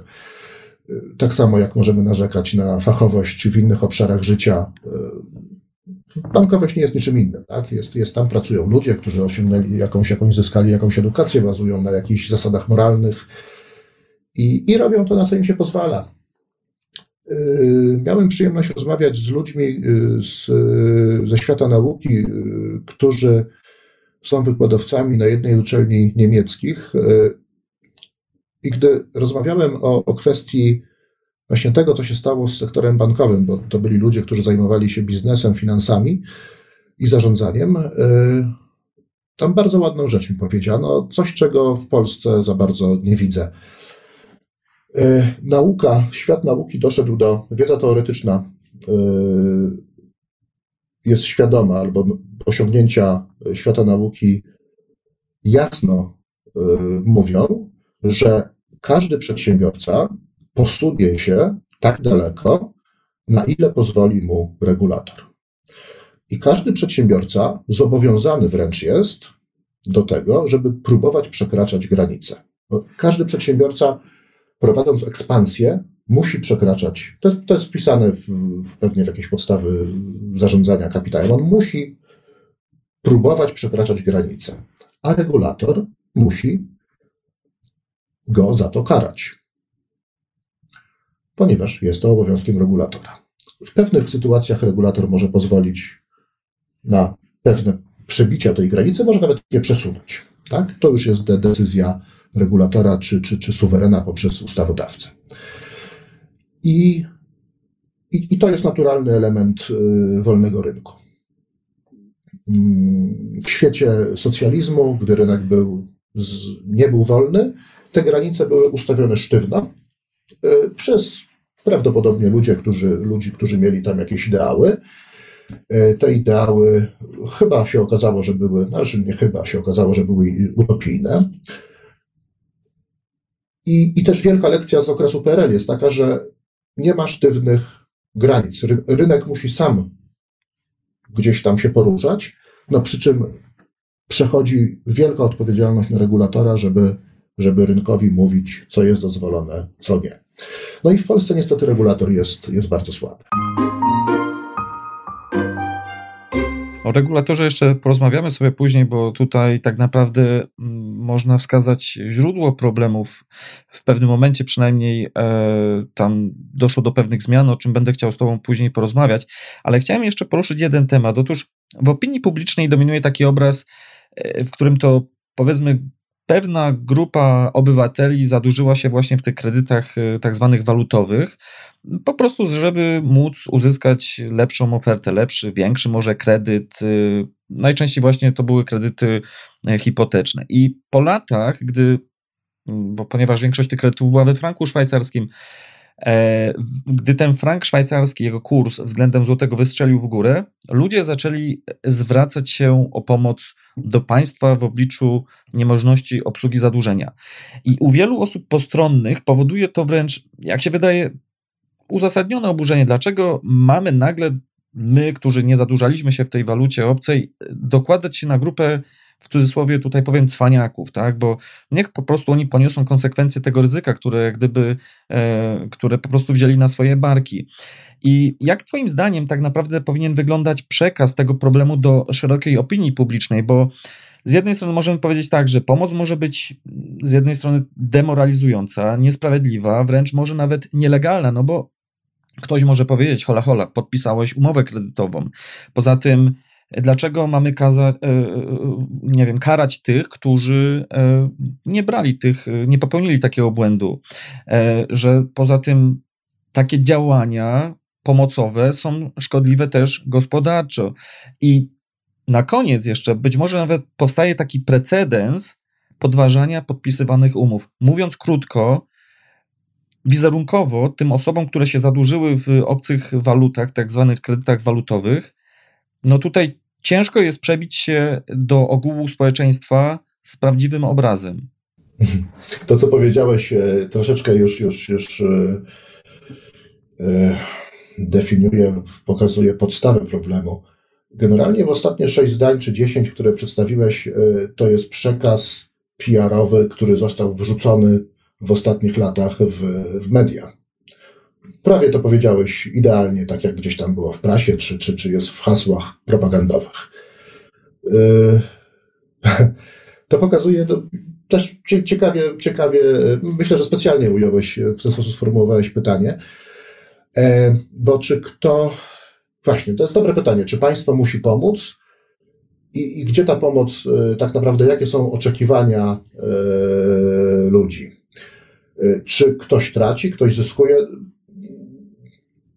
Pytanie, które skonstruowałeś, jest chyba gdzieś w centrum tego problemu, dotykając y, metod manipulacji, zarządzania społeczeństwem. Bo nie wiem, czy widzisz, ale y, w Twoim pytaniu i w tym, co, co animatorzy tego pytania y, osiągnęli, to jest stara rzymska zasada dziel i rządź. Wprowadzono podział na, tutaj rozwinę, złotówkowiczów, frankowiczów. Jedni byli mądrzy, drudzy byli głupi, ryzykowali. Dlaczego mądrzy mają płacić za głupich? E, moim zdaniem jest to majstersztyk e, PR-u. E, podobnie w innych obszarach się robi tam jacyś, jakieś mohery, teraz mamy kod, coś tam. Jesteśmy dzieleni. Czy tutaj jest pomoc? I, i, to jest przekaz, który chyba też tutaj strona społeczna od, od, skutecznie z tym, z tym, z, z tą formą manipulacji Y, się y, chyba uda, udaje się tej stronie społecznej bronić. Y, tak naprawdę strona społeczna nie, czy, czy kredytobiorcy nie oczekują pomocy, przynajmniej większość tych ludzi. Na chwilkę ich odstawmy na bok, zajmijmy się ludźmi, którzy rzeczywiście potrzebują pomocy. Wyobraźmy sobie tych ludzi, którzy potrzebują pomocy, ponieważ wpadli w tarapaty nieprawdopodobne. Zresztą za chwilę będziemy, y, w kolejnych latach będziemy widzieli kolejną grupę, jak y, wspomniałeś, z, z zadłużeniem złotowym. I tu uważam, że rząd jest od tego, żeby tych ludzi wspierać. Jeżeli ktoś wpadł w tarapaty typu zadłużenie, z mojego punktu widzenia, jeżeli zadłużenie y, hipoteczne miesięczne obciążenie, już abstrahując od, od, od, od e, całości długu, ale jeżeli miesięczne obciążenie jest większe niż 30% budżetu domowego, ja bym powiedział, że taka osoba już jest w, w problemie finansowym, ponieważ oprócz zadłużenia musi także zapłacić za mieszkanie, za, za transport, za edukację, jeżeli ma dzieci, za swoją edukację, za kulturę, za wakacje. Tak, życie nie składa się tylko z tego. I, I z tego co wiem, w cywilizowanych krajach jest coś takiego jak yy, bankructwo. Zresztą w Polsce chyba też jest taki przepis o upadłości konsumenckiej. O, i to bym widział jako obszar wsparcia państwa, przy czym systemowy. Jeżeli ktoś wpadł w dług, a też prawdopodobnie nie ze swojej winy, bo jak przed chwileczką poruszaliśmy kwestię y, wadliwej oceny, wadliwej oceny zdolności kredytowej. No, jeżeli bank mówi ci, że możesz się zadłużyć na. Twój budżet na przykład miesięczny jest, y, no nie wiem, powiedzmy sobie 10 tysięcy złotych, tak żeby było równo się liczyło. I bank mówi, że przy stopie procentowej, y, która jest teraz niska, bank mówi, ty się możesz zadłużyć, no, na 30% załóżmy, no 25%, czyli 2,5 tysiąca będziesz płacił ratę. Ostatnio przeglądałem taką umowę. I gdy zwiększy się stopa procentowa do 7%, to nagle ta rata się robi 4,5 tysiąca. I teraz z mojego punktu widzenia, jeżeli zawarłeś taki kontrakt przy niskiej stopie procentowej, nawet złotowy, ktoś powiedział, że ty będziesz płacił 2,5 tysiąca i to jest ok, w ogóle relaks w całości, ale za 5 lat twój, twój, twój, twoja rata miesięczna będzie 5 tysięcy czy 4,5, kto jest winien? No, no nie możemy powiedzieć, że ty, tak? Bo po to idziesz do banku, żeby bank ocenił twoją zdolność kredytową. I bank, mając wiedzę na temat gospodarki, wie, że w normalnym trybie, przy normalnej koniunkturze, oprocentowanie może wzrosnąć do procent na przykład 7. No może przy normalnej załóżmy do, do, do, do 5, gdy będzie trochę zawirowania do 7, no powyżej będzie już kłopot, taki bardziej systemowy. I z tego punktu widzenia twierdzę, że te osoby, które zostały zadłużone ponad miarę, muszą mieć możliwość wykaraskania się z tego długu, a ryzyko no, musi być niestety, ale po stronie banku, ponieważ bank jest instytucją niezwykle, o niezwykle dużym potencjale intelektualnym, który dokładnie wie, co się, co się dzieje. W trakcie rozmowy y, dojdziemy, spróbujmy dojść do, do bankowego tytułu egzekucyjnego. Ja troszkę, troszkę y, ten, ten, ten moment upadania konsumenta postaram się skomentować też tak, jak to widzę.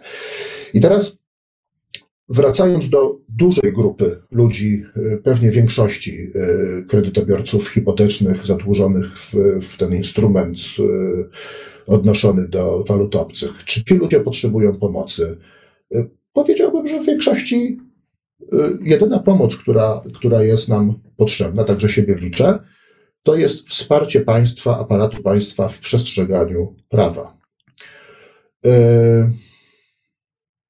I tu się okazuje, że, że, że, że jest niezwykle duży problem, a też dzięki naszej pracy społecznej, to jest praca wielu osób, udało się naprawdę wykonać rzeczy nieprawdopodobne, e, jeżeli chodzi o rozwój prawa. Ja już nie, nie odłożę na bok to, czym jest waloryzacja. Miałem przyjemność ten, ten obszar zainicjować. Mam wrażenie, że już wiadomo, czym jest waloryzacja. Już, już, już, już w sądach e, także sędziowie, prawnicy potrafią już prawidłowo powiedzieć, co to jest. Ale oprócz tego E, oprócz waloryzacji, też wielki, wielki owoc naszej pracy to jest prawo ochrony konsumenta, które, które na, dzięki temu, że udało nam się wyjaśnić i w trakcie teraz prowadzonych wielu, wielu sporów, ponieważ spory sądowe w obszarze kredytów hipotecznych stały się już jakąś formą sportu narodowego, to powoduje, że wiedza, którą udaje nam się poszerzyć, ona będzie także, będą z niej korzystać kredytobiorcy złotowi. I, mhm. I mam wrażenie, że ta manipulacja, której zostaliśmy poddani, y, rzymska zasada dzieli rząd, skłócenie złotówkowiczów frankowiczami, chyba ta narracja już się powoli wypaliła. To chyba nie wyszło. Podobnie zresztą jak, jak, jak w innych przypadkach. Też Frankowicz, na początku Frankowicz w, był, był podawany jako cwaniak, to co powiedziałeś właśnie tam, mhm. kombinator, a powoli ten Frankowicz nam się udaje, udało y, poprzez dosyć ciężką pracę i, i, i, no, i opieranie się na właśnie nie na próbie uszczknięcia paru groszy, tylko na rozszerzaniu naszych, na poszukiwaniu prawdy, powiem tak, tak brutalnie, Udało się z tego Frankowicza chyba zrobić takiego trochę templariusza, a może trochę takiego krzyżowca, takiego rycerza, który tam no, nie tylko walczy o swój nos, tylko o, o, o troszkę więcej. Ja pozwolę sobie teraz może wspomnieć e, świętej pamięci, ostatnio nas opuścił pana Wojciecha Sawickiego, który no, dla, wielu, dla wielu z nas był, był, był źródłem inspiracji. To był człowiek, który na, na swojej stronie internetowej E, uczył, jak liczyć odsetki, uczył, czym są odsetki, napisał broszurkę, uczył, czym jest RRSO, e, mówił, jak sobie wyprowadził wzór, co jest nie, też przeciekawe, wyprowadził wzór na obliczenie odsetek, obciążenia odsetkowego. Sam ten wzór wyprowadził z ciągu geometrycznego, taki prościutki wzór, dwa, dwa dzielenia, jedno mnożenie. Ten wzór później znalazłem w jednym z opracowań z, z matematyki finansowej. E, i, I świętej pamięci e, pan Sawicki gdy się spotkaliśmy pierwszy raz, on powiedział, Panie Ryszardzie, dlaczego wy się zajmujecie tylko sobą? Tak? I, I, chyba właśnie, chyba właśnie pan Wojciech był źródłem, był tym momentem, gdy, gdy wielu z nas, bo wiele, wiele osób, wiem, że wiele osób wsłuchiwało się w jego głos, wiele osób otworzyło swoje oczy na, czy swój umysł na ten problem szerzej. Nie tylko swój nos, swoja rodzina, swój portfel, tylko spójrzmy szerzej. I chyba dzięki temu myślę, że udało się wyrwać z, skoryguj mnie, jeżeli jestem w błędzie, ale mam wrażenie, że udało się wyrwać z tej narracji PR-owej właśnie zły Frankowicz, dobry Złotówkowicz. Nie słyszałem jej ostatnio w mediach. To znaczy, ja myślę, że w mediach może tego problemu tak nie widać. Natomiast y, ja do mediów też za chwilę jeszcze tutaj mam mały komentarz. Natomiast okej, okay, ja nie wiem na ile to jest reprezentatywne, ale w różnych tam dyskusjach y, ja tam nie uczestniczę, ale jak tam przeglądam różne komentarze pod różnymi artykułami, to często się pojawia mhm. właśnie ten argument, że przecież byliście świadomi, co podpisujecie, a przynajmniej powinniście być świadomi, albo że tworzycie też ten precedens, że no kurczę, podpisujecie coś, a teraz się z tego wycofujecie. Natomiast co do mediów, jeszcze tak dodam, Pewien problem, jaki ja tu widzę, to jest taki, że no, w mediach te banki się reklamują, więc są, płacą po prostu medium y, pieniądze. Więc z punktu widzenia, nie wiem, jakiegoś tam e, kanału telewizyjnego, nie jest y, ich biznesem, interesem, żeby poniekąd, poniekąd krytykować e, kogoś, kto im daje zarabiać. Tak, zgadzam się. To, to, to, jest, to jest oczywiście bardzo, bardzo złożone. E, wrócę do. Yy, powiedziałeś dosyć ważną rzecz, komentarze w internecie. Yy, świat, świat jest złożony. Internet jest dosyć ciekawym medium, aczkolwiek myślę, że już też jest taką wiedzą bardzo, bardzo popularną, że w znakomitej większości komentarze pod artykułami są tak naprawdę wytworem działalności agencji PR. E, to chyba, znaczy ja może w świecie pracując tutaj po stronie informatyki czy po stronie biznesu, ja, może to łatwiej mi jest dostrzec. Ale jeżeli też słuchacze niech, niech, niech uwierzą, że marketing przeszedł do postaci internetowej, do postaci takiego, e, to się chyba nazywa marketingu szeptanego. Niby ludzie o czymś rozmawiają. W znakomitej, w znakomitej większości dyskusje są prowadzone przez wynajętych ludzi, którzy, którzy po prostu animują rzeczywistość. E, dawniej w gazetach, gdy gazety były jeszcze drukowane, to była taka, no, są różne formy literackie, tudzież prasowe. Jest felieton, co tam mamy, jakaś notatka, jakiś artykuł, reportaż. I jedną z form y, publikacji prasowej czy, czy, czy artykułu no chyba publikacji prasowej, troszkę się pogubiłem, był list do redakcji. I to jest przeciekawe, bo taki list do redakcji to, to, był, to była szpalta, to było miejsce w gazecie, gdzie y, redakcja chciała coś powiedzieć, no ale nie wypadało jej powiedzieć tego w innej formie, że to niby oni, tak? Więc, więc publikowało się to w formie listu do redakcji. Teraz już nie ma listów do redakcji, jak zauważyłeś, no bo nie ma, raczej ja nie widziałem listu do redakcji gdzieś na portalach internetowych. Teraz list do redakcji to są właśnie czaty pod pod artykułami. Ja na początku, gdy, gdy propagowałem swoją, y, tudzież chyba mogę powiedzieć, że propagowałem swoją, swoją wiedzę, używałem y, właśnie formy, używałem czatów pod, pod artykułami. Przestałem to robić po jakimś czasie, przeniosłem się na, do, do, na, do mediów społecznościowych, ponieważ zauważyłem, że tam właśnie są dyskusje z, no rozmawiam z jakimiś profesjonalnymi e, facetami czy, czy, czy, czy, czy, czy, czy pracownikami PR. I widziały gały, co brały. E, podsumowując e, w jednym, w jednym krótkim zdaniu to, co powiedziałeś, wydaje mi się, że to się już wypaliło. Wydaje mi się, że dzięki, dzięki, dzięki temu, że wiedza się poszerza, ta formuła no już jest chyba no, taka bardzo infantylna, bo po prostu wiemy za dużo. E, gdy, gdy rozmawiamy z e, ludźmi innymi, z naszego punktu widzenia, co daje kryzys frankowy każdemu w Polsce. Ja podam bardzo gorzką, ale bardzo ciekawą, ciekawy element naszego, e, naszego życia. E, przepisy ochrony konsumenta. Dotyczące każdego w Polsce. Dyrektywa europejska mówiąca o ochronie konsumenta, chyba 11 artykułów czy 10. Prosta dyrektywa z dobrym, dobrą implementacją, okazuje się, że z całkiem dobrą implementacją w kodeksie cywilnym. Co się jednak wydarzyło? E, dyrektywa na stronie, e, na stronie e, chyba to jest Komisja Europejska, dyrektywa w języku polskim zawiera absurdalne stwierdzenia. Absurdalne.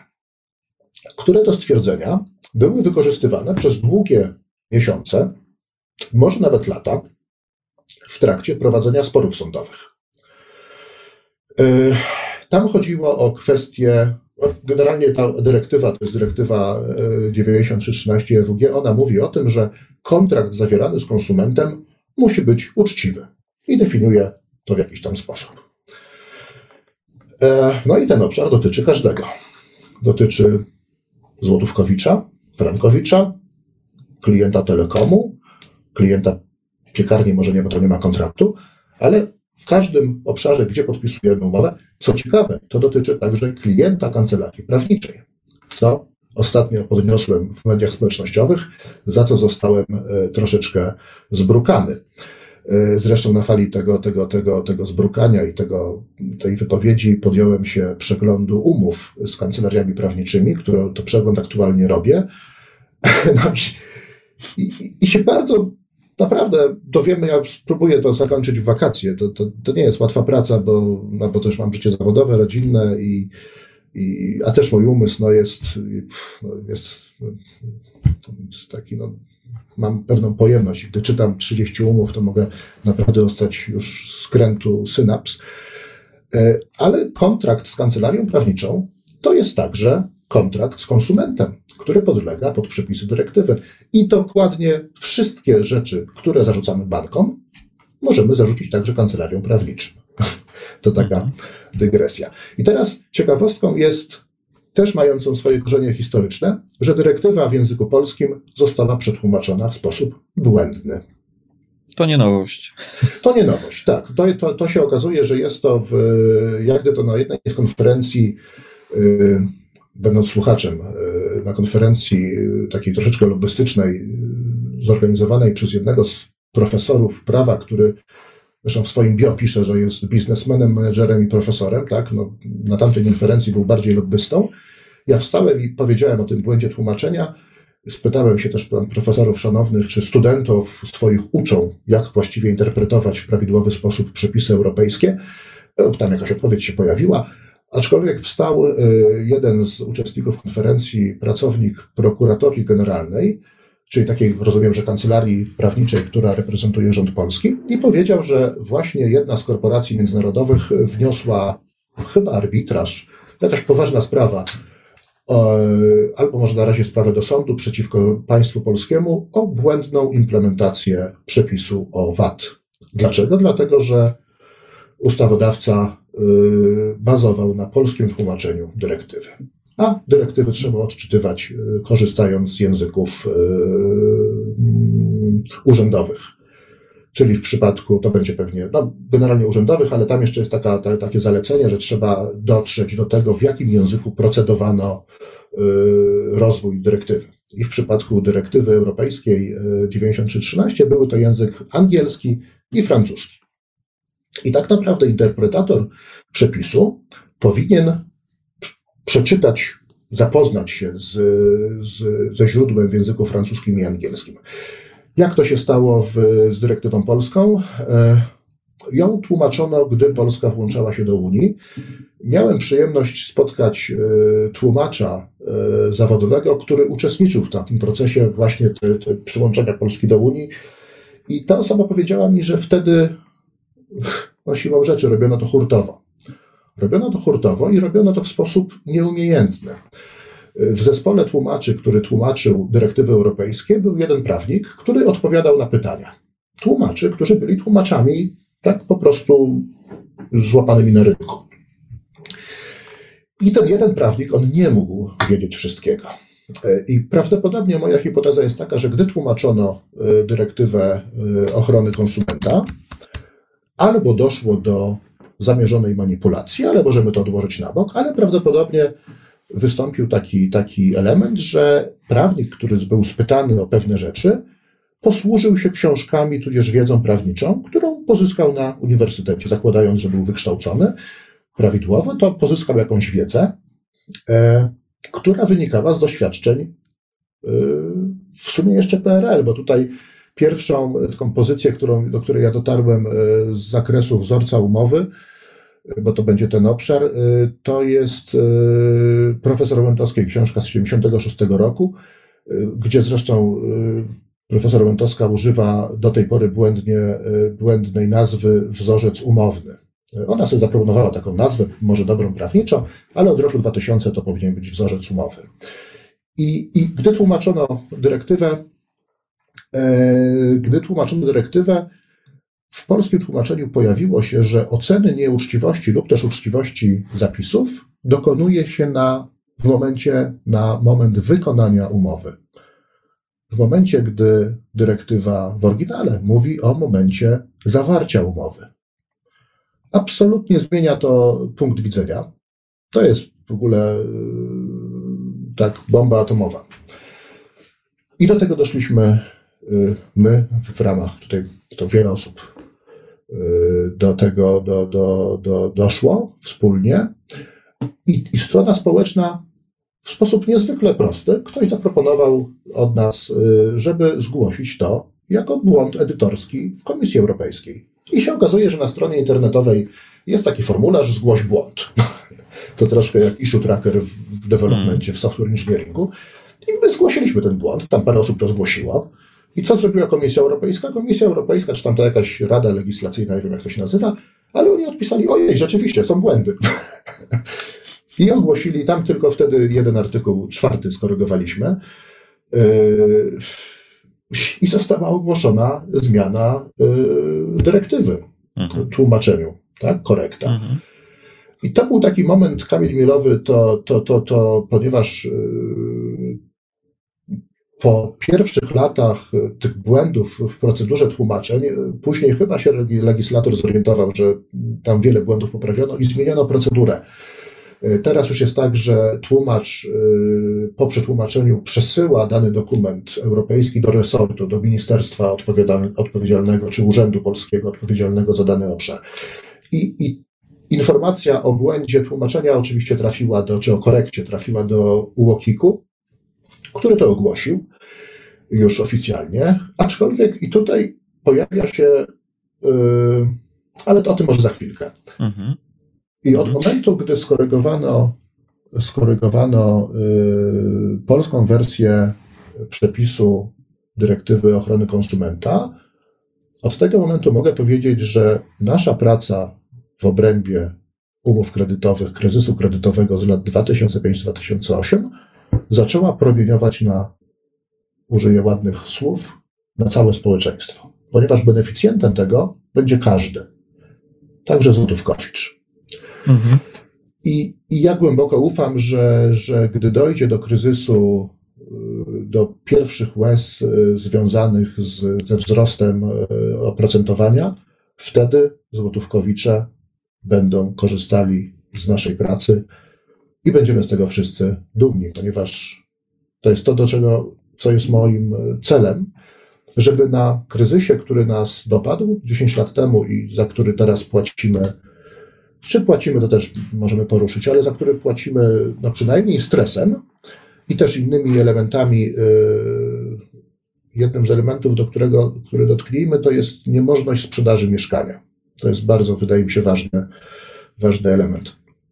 Ale wynikiem naszej pracy będzie poprawienie odrobinę warunków, y, poprawienie odrobiny naszego kraju. O, to też ja myślę też, że jak tak słyszę, to teraz trochę na bazie też y, tych problemów związanych z kredytami e, e, tak zwanymi walutowymi, to ludzie teraz znów nie do końca chyba jednak w pełni zrozumieli, bo często słyszę taką powtarzaną jak mantrę e, frazę, że zadłużaj się w walucie, w której zarabiasz. Tylko, że to, to nie jest niestety pełną receptą według mnie na problem, bo mamy cały czas ryzyko stopy zmiennej. I jeżeli to ryzyko tam jest, to to, że będziemy się zadłużać w złotówce, tak jak powiedziałeś, ten problem prawie na pewno, mogę powiedzieć, na pewno się pojawi. Bardziej jest pytanie tylko kiedy. Kiedy, tak. On się pojawi, on się na pewno pojawi. Y, będą dwie fale, tak? Jedna to po prostu ta inflacja musi wrócić do poziomu, y, a druga fala to jest to, co przytoczyłeś Turcję, tak? Jeżeli będzie jakikolwiek większy kryzys, e, to będzie bardzo źle, tak? Bo o ile, o ile w okresie PRL, gdy był kryzys, rząd musiał sobie poradzić z robotnikami dużych zakładów przemysłowych, gdzie, gdzie były duże skupiska robotników i łatwo było tych, tych, tymi ludźmi jakoś tam sterować i destabilizować, o tyle w przypadku wejścia na ścieżkę zadłużenia się na całe życie całych pokoleń, bo po prostu na tą ścieżkę weszliśmy, tak? Jest to jedna z form tam pewnej mhm. organizacji życia społecznego. W tym momencie yy, myślę, że nie będzie niegrzecznością, gdy użyję sformułowania spekulanci międzynarodowi, bo, bo chyba tam od Bretton Woods, yy, od momentu, gdy zerwano yy, z parytetem złota, to tak naprawdę wartością pieniądza no chyba już nie, nie, nie, nie, nie, tą wartością pieniądza nie rządzi suweren czy, czy bank centralny, tylko że rynki spekulacyjne, międzynarodowe tym rządzą. I jeżeli, jeżeli zacznie odpływać kapitał z Polski, a coś takiego mam wrażenie, że wydarzyło się chyba właśnie w 2004 czy 2005 roku, to jest też warto to wspomnieć, e, gdy spojrzymy na, na dane makroekonomiczne NBP, które NBP publikuje na swoich stronach w formie tabelek. Ja te tabelki umieściłem, to gdzieś na moim blogu chyba jest, czy na Google+, bo też na Google+, y, na moim profilu jest troszkę artykułów wczesnych. Ja, ja te, te, te, te metryki umieściłem w, po prostu w Excelu i zrobiłem wykres, szereg wykresów i zauważyłem, że w latach 2000, tam chyba jeden czy cztery, zaczynał odpływać kapitał zagraniczny z Polski. Tam taka krzywa, tam, tam są te różne krzywe i ona zaczęła opadać. I tą krzywą z Y, przywrócono jej właściwy trend zadłużeniem się Polski, y, polskich rodzin w walucie zagranicznej. To jest bardzo ciekawe. Y, gdy kapitał zagraniczny zaczyna odpływać, co robi rząd? Rząd próbuje go skusić, czyli podnosi stopy procentowe. I tu jest wielka, moja wiedza z finansów no jest taka troszeczkę bardzo amatorska, więc gdybym coś mylił, to proszę, proszę mnie skoryguj, ale może to nie jest problem, może to jest bardzo dobrze, bo w, że mamy stopy procentowe jedne do, do obsługi długu wewnętrznego i zewnętrznego. Chiny ma, chyba, chyba Chiny mają odwrotnie, mają inaczej, mądrze tym zarządzają, no ale my, będąc w systemie międzynarodowym świata zachodniego, mamy taki model. Więc jeżeli rząd, widząc, że kapitał odpływa, chce ten kapitał skusić, to musi podnieść stopy procentowe. E, gdy podnosi stopy procentowe, to niestety koszetem dostają gospodarstwa domowe. I, I przy którymś, przy jakimś cyklu ekonomicznym to się wydarzy. Mhm. Tak? To się po prostu wydarzy, musimy być na to przygotowani i nie możemy udawać, że będzie inaczej i, i, i tyle. E, tak. Ja jeszcze skomentuję, powiedziałeś, że mówimy o ryzyku stopy procentowej. E, to jest bardzo ważny temat. Uważam, że polski sektor bankowy i polski regulator nie odrobił lekcji y, sprzed lat 20 i sprzed lat 10. Cały czas, całe ryzyko jest po stronie konsumenta. Mhm. E, sektor bankowy musi przejść, i chyba to się nawet mówi w prasie, że oni muszą przejść na stał, stałą e, stopę e, oprocentowania. Po prostu to jest ich obowiązek, tak? Względem społeczeństwa i, i względem swojego intelektu. Ale pozwól, że jeszcze skomentuję bardzo potoczne i bardzo błędne powiedzenie, że należy zadłużać się w walucie, w której się zarabia. Y, to nie jest prawdziwe y, hasło. To, to jest po prostu nieprawda, tak? To jest, to jest jakaś aberracja. Ja na moim blogu mam taką, czasem szukam innych form przekazu wiedzy i, i na moim blogu możesz znaleźć komiks, jednostronicowy komiks, mówiący, że, że to jest nieprawda. Zadłużać, tak syntetycznie powiem, że zadłużać należy się w walucie, w której tutaj będę teraz używał trudnych słów, denominowana jest wartość przedmiotu długu lub przedmiotu zabezpieczenia. To jest, to jest kluczowe, tak? Gdyby rynek w Polsce y, mieszkaniowy był wyceniany, gdyby cena tego rynku była określana, ponownie użyję słowa denominowana w walucie obcej, gdybyśmy metr mieszkania w Warszawie mówili 2,5 tysiąca franków. Wtedy zadłużajmy się we franku, ponieważ gdy chcemy się z długu wyzbyć, niejako my przenosimy ryzyko walutowe na kupującego mieszkanie. Jest mhm. ok, tak? tak tylko, tak. Wtedy, tylko wtedy od strony ekonomicznej nazywa się to dolaryzacją gospodarki. Oczywiście y, są kraje, gdzie to się stało, tam Puerto Rico i jakieś inne kraje, gdzie tak naprawdę walutą oficjalną jest jakaś tam waluta, ale tak naprawdę gospodarka używa dolara amerykańskiego. Mhm. W przypadku Puerto Rico wiemy, jak się to skończyło. Chyba jest to kolejny stan y, Stanów Zjednoczonych. Y, po bankructwie Puerto Rico zostało przejęte przez administrację amerykańską. I, czyli, czyli zadłużamy się nie w walucie, w której zarabiamy. Zadłużamy się w walucie, w której zarabiamy na, na, na dług krótkoterminowy. Kupujemy czajnik, samochód. Tak, mhm. samochód na 5 lat bierzemy dług, kredyt. Prawdopodobnie możemy to, możemy wtedy mówić o tej zasadzie zadłużania się w walucie zarobku. Ale nie przy, przy długach y, wielkiej wartości. Bo wtedy, dokładnie, wtedy dokładnie. dług musi być skorelowany z przedmiotem E, kredytowania, dlatego, żeby móc się z tego kontraktu wyrwać, żeby móc, móc go zakończyć. Jeszcze tylko skonkluduję, że y, tragedią, chyba sporą, ja nie wiem, czy to jest y, już oficjalnie poruszane, ale ja to widzę, no też po sobie, ale też wśród znajomych, nie możemy sprzedać naszych mieszkań. Rynek wtórny, nie wiem, może też przez, przez program Mieszkanie dla Młodych, może przez inne rzeczy, ale rynek wtórny przestał przestał istnieć. Ludzie nie handlują mieszkaniami, które mają dług hipoteczny yy, odnoszony do walut obcych, ponieważ te mieszkania są niesprzedawalne. Mhm. Mówisz w tym kontekście, że jak gdyby wartość zadłużenia przewyższa wartość. Prze, przewyższa wartość yy, przedmiotu długu, tak? Mhm. Jeżeli moje zadłużenie na, na dzisiaj wynosi 400 tysięcy, a moje mieszkanie warte jest 340, 60 metrów w Warszawie, gdzieś tam na jakimś blokowisku, mamy problem. Mhm. Ale ciekawe, to jest też problem prawny. To jest problem y, prawny, to jest, nie wiem czy prawny, ale na pewno jest to problem regulatora. Mhm. I możesz pamiętać, że możesz y, pamiętać sytuację, w której KNF zrelaksował troszeczkę, troszeczkę złagodził kwestię y, współczynnika loan to value. To, to taki LTV mhm. współczynnik, już czy teraz wszyscy uczymy, to jest jedna z dzieci w przedszkole będą się uczyły, czym jest LTV. To jest współczynnik zadłużenia albo pokrycia zabezpieczeniem e, długu. I, i, I dla wielu osób on powinien być 80% poniżej. Tak w klasycznej bankowości. Tam zresztą dlatego wkład własny jest tam zawsze 20%, był przynajmniej. E, on przy długu hipotecznym się oderwał od, od, od wymogów regulatora. I to był mhm. pewien, pewien element taki, że i to KNF był w tym 2015 roku był dumny, że to załatwił z, z bankami, z sektorem bankowym, że sektor bankowy nie będzie żądał od ludzi zwiększenia zabezpieczeń. Absurd, mhm. tak? Absurd. Tak naprawdę no, sytuacja absurdalna, bo gdzieś naruszono jeden z podstawowych stabilnościowych e, parametrów e, sektora bankowego.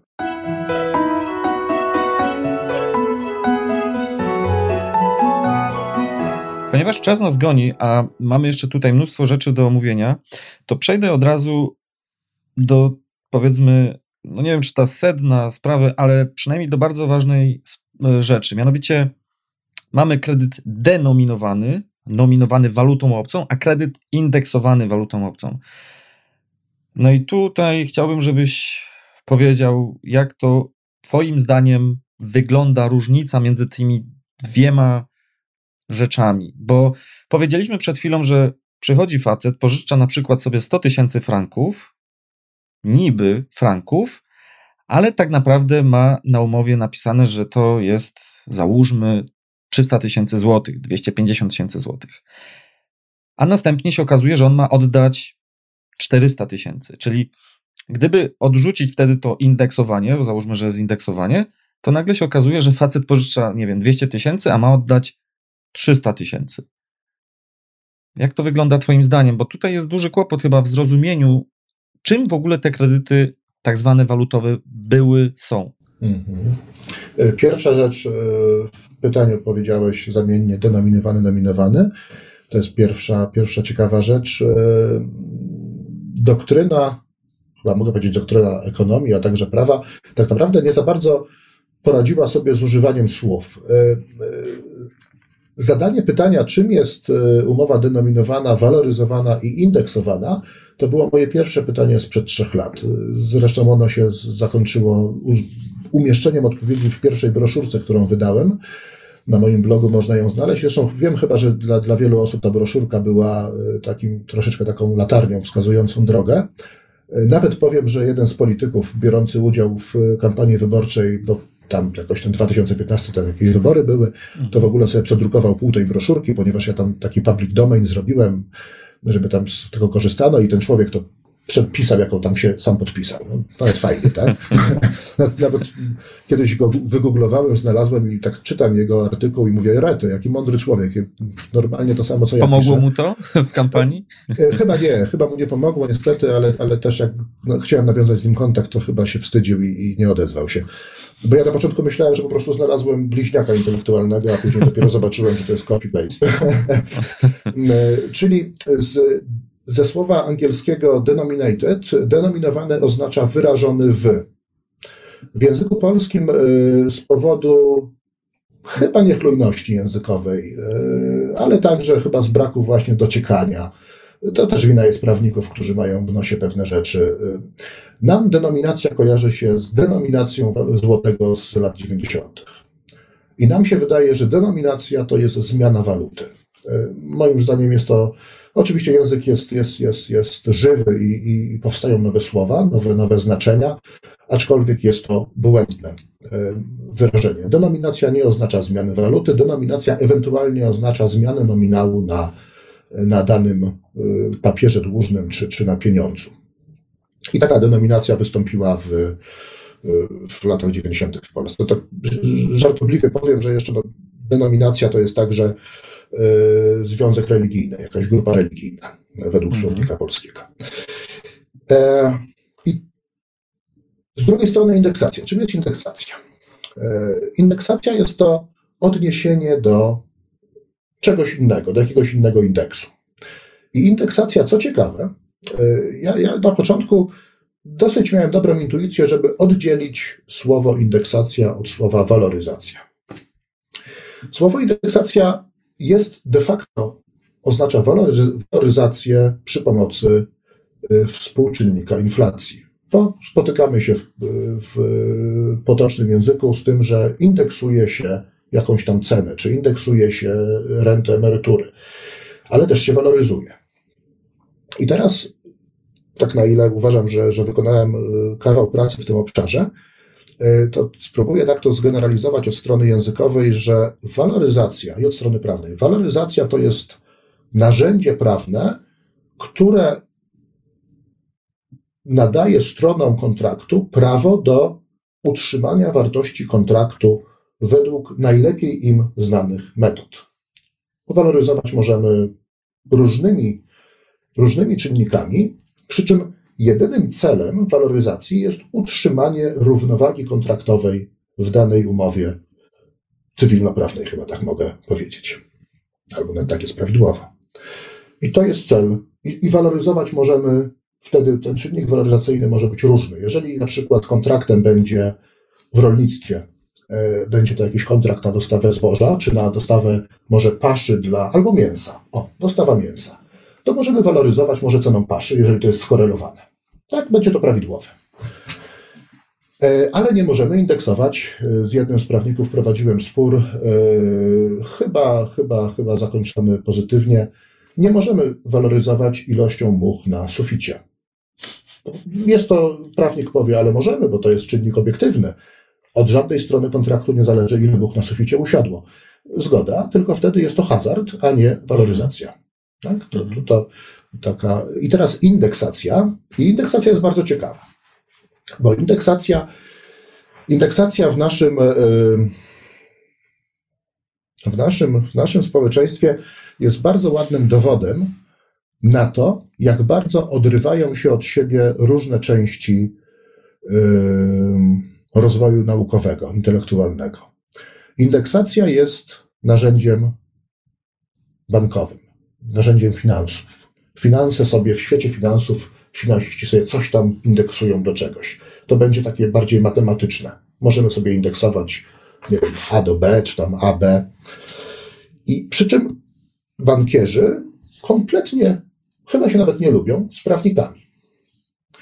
I teraz tego bankiera, on sobie tam to się indeksuje, ale, ale jego nie interesuje zupełnie, czy, czy, czy ma to jakikolwiek związek z systemem prawa, a może nawet z systemem językowym. Bo jak wcześniej powiedziałem, indeksacja jest to waloryzacja z użyciem, y, z użyciem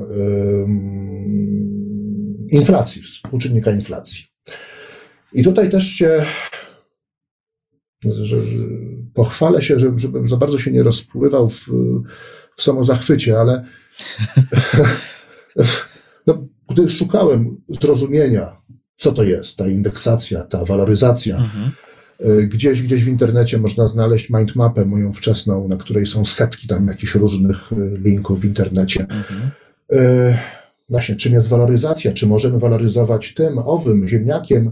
Okazuje się, że znów płacimy cenę za brak rozwoju nauki w Polsce. Pewnie ja to zrzucam na, na, na przerwanie ciągłości intelektualnej z powodu wojny, która spowodowała wielkie straty także w, w elitach narodu intelektualnych, które później dorżnięto jeszcze y, okresem komunizmu. To, czym jest indeksacja, czym jest waloryzacja, było przedmiotem dyskusji w doktrynie francuskiej na początku stulecia, w okolicach roku 1920. Czyli, no, jeżeli teraz jeszcze znajdzie się prawnik czy ekonomista, który będzie dywagował w tym obszarze, no możemy powiedzieć, że facet jest 100 lat do tyłu, jeżeli chodzi o rozwój wiedzy. Tak po prostu, brutalnie, a może nawet więcej. Co mówiła doktryna francuska? Ja troszkę taki background mhm. tutaj dam. Uważam, że jest ważne, tak, żebyśmy doszli później do kontraktów. Co mówiła doktryna francuska? Doktryna francuska mówiła, że waloryzować można sobie zbożem czy ziemniakiem, e, ale tylko w gospodarce feudalnej w gospodarce opartej na prymitywnej, opartej na obrocie towarowym. Bo tam rzeczywiście ktoś sprzedawał świniaka, to może chciał mieć tyle zboża i tak dalej. Tak? Te, te ceny były ustalane. Ale wraz z rozwojem banków centralnych, to tam pewnie się działo, nie wiem, od XVIII wieku, może wcześniej, teoria pieniądza krystalizowała się coraz bardziej. Zresztą teoria pieniądza, tutaj już taką dygresję podam, że ekonomistą polskim, którego zupełnie zignorowaliśmy, był Mikołaj Kopernik, który w, udało mi się te dzieła odnaleźć po łacinie zresztą, zupełnie zapomniane. Ja nie wiem, to jest jakiś absurd, ale facet, ten nasz Kopernik, kochany, on się zajmował także wartością pieniądza i nawet jest takie prawo Grishama Kopernika, które tak, mówi o tym, tak. Że, że tak, to wiesz, znasz to prawo. Tak, ono mówi o tym, że pieniądz zły wyprzez rynku dobry. Facet to analizował po prostu 500 lat temu. Tak? A, a, a my kompletnie to ignorujemy.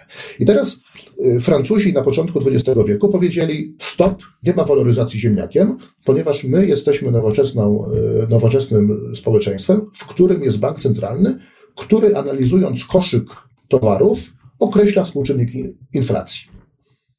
I od tej pory, jeżeli chcecie utrzymać wartość kontraktu, używacie inflacji. To było 100 lat temu.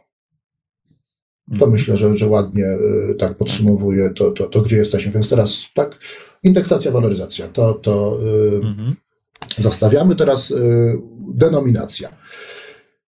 Ja gdy, gdy zadałem pytanie, czym jest ta, ta umowa denominowana, użyłem języka polskiego na początku, czyli słownika, a później także się odwołałem do źródeł anglojęzycznych, żeby tak naprawdę warsztat prawniczy Wspomnimy o tym, bo to, to, to jest bardzo ważne. Warsztat prawniczy mówi, że nie wolno się posługiwać, to jest podobnie jak, jak w informatyce, dlatego tutaj są, mm, łatwo mi było pewne rzeczy zrozumieć.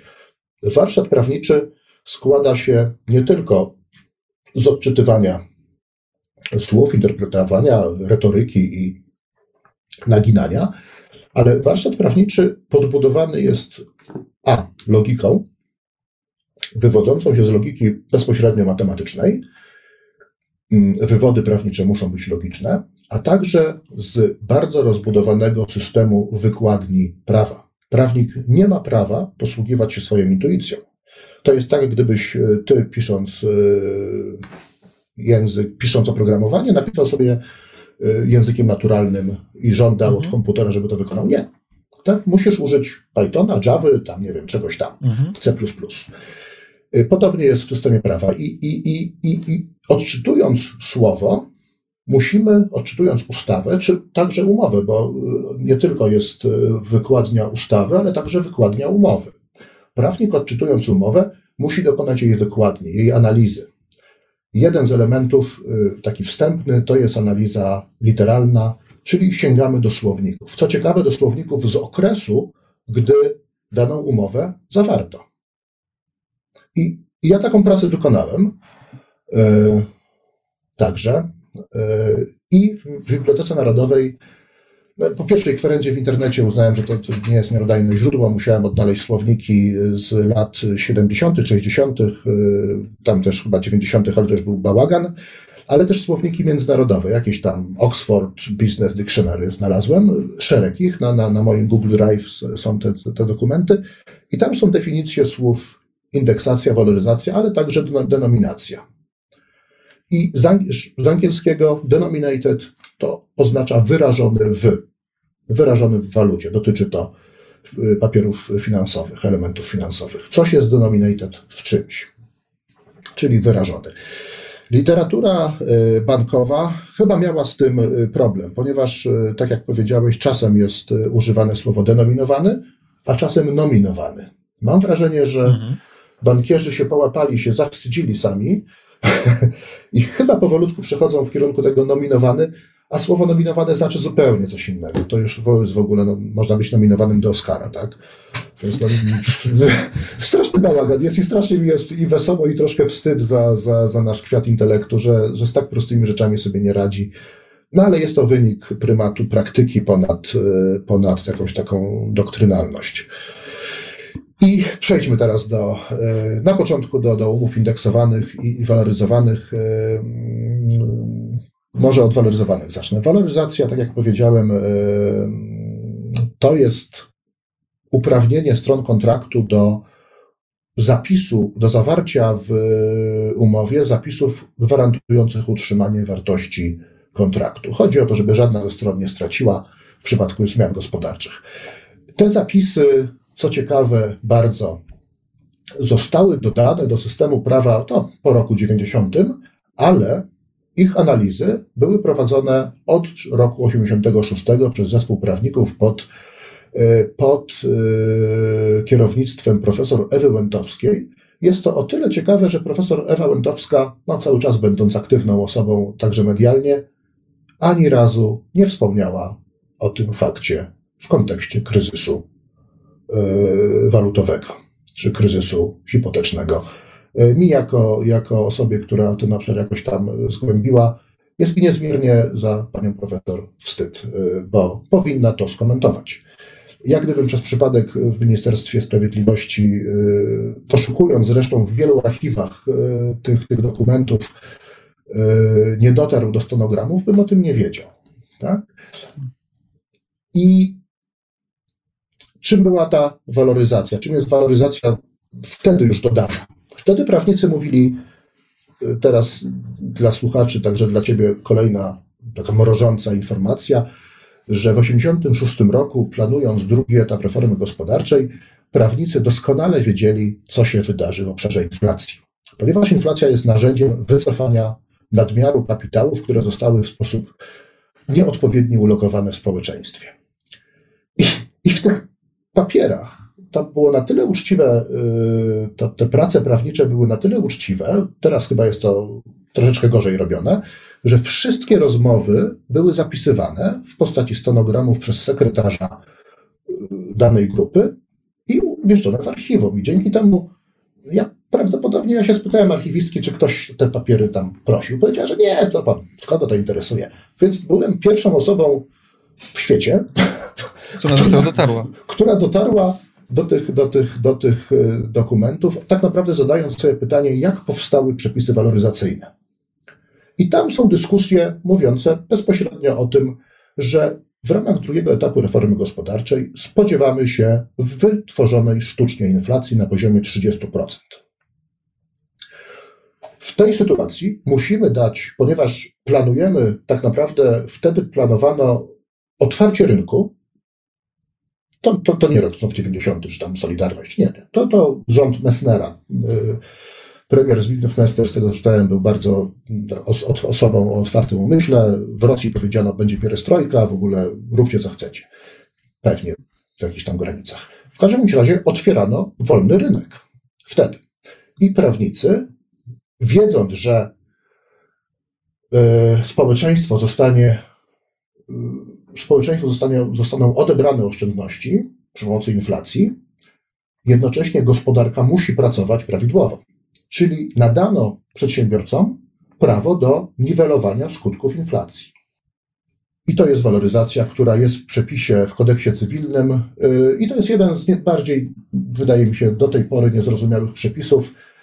Yy, dzięki naszej pracy społecznej yy, ten przepis przywróciliśmy mam wrażenie, że społeczeństwu. Bo prawnicy naprawdę słowo honoru, że kompletnie nie wiedzieli, co to jest. Mhm. Prawnicy traktowali waloryzację jako kalkulator, jako możliwość zmiany, i to przejdę teraz do kontraktu, zmiany waluty długu.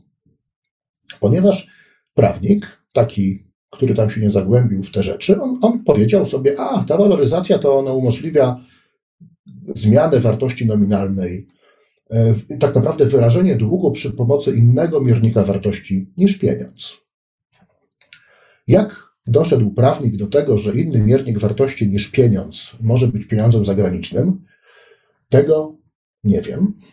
To jest naprawdę już większa, e, to się, to się gdzieś tam pojawia w opisach, to, a to jest większy wygibas intelektualny, to, to już trzeba naprawdę ja myślę, że duża ilość alkoholu musiała być spożyta w trakcie tych przemyśleń, bo, bo, to się inaczej nie da, tak?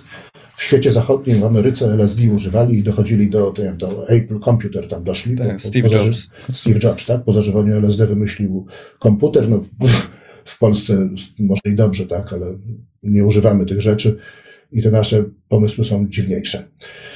I, i to jest podstawa umów waloryzowanych. Czyli i, i to Brebank robi. Brebank, bo w dalszej rozmowie prawdopodobnie użyje trzech banków głównych, Brebank, Millennium i, i, i, i Getin. No, Polbank jeszcze może, ale, mhm. ale załóżmy Getin.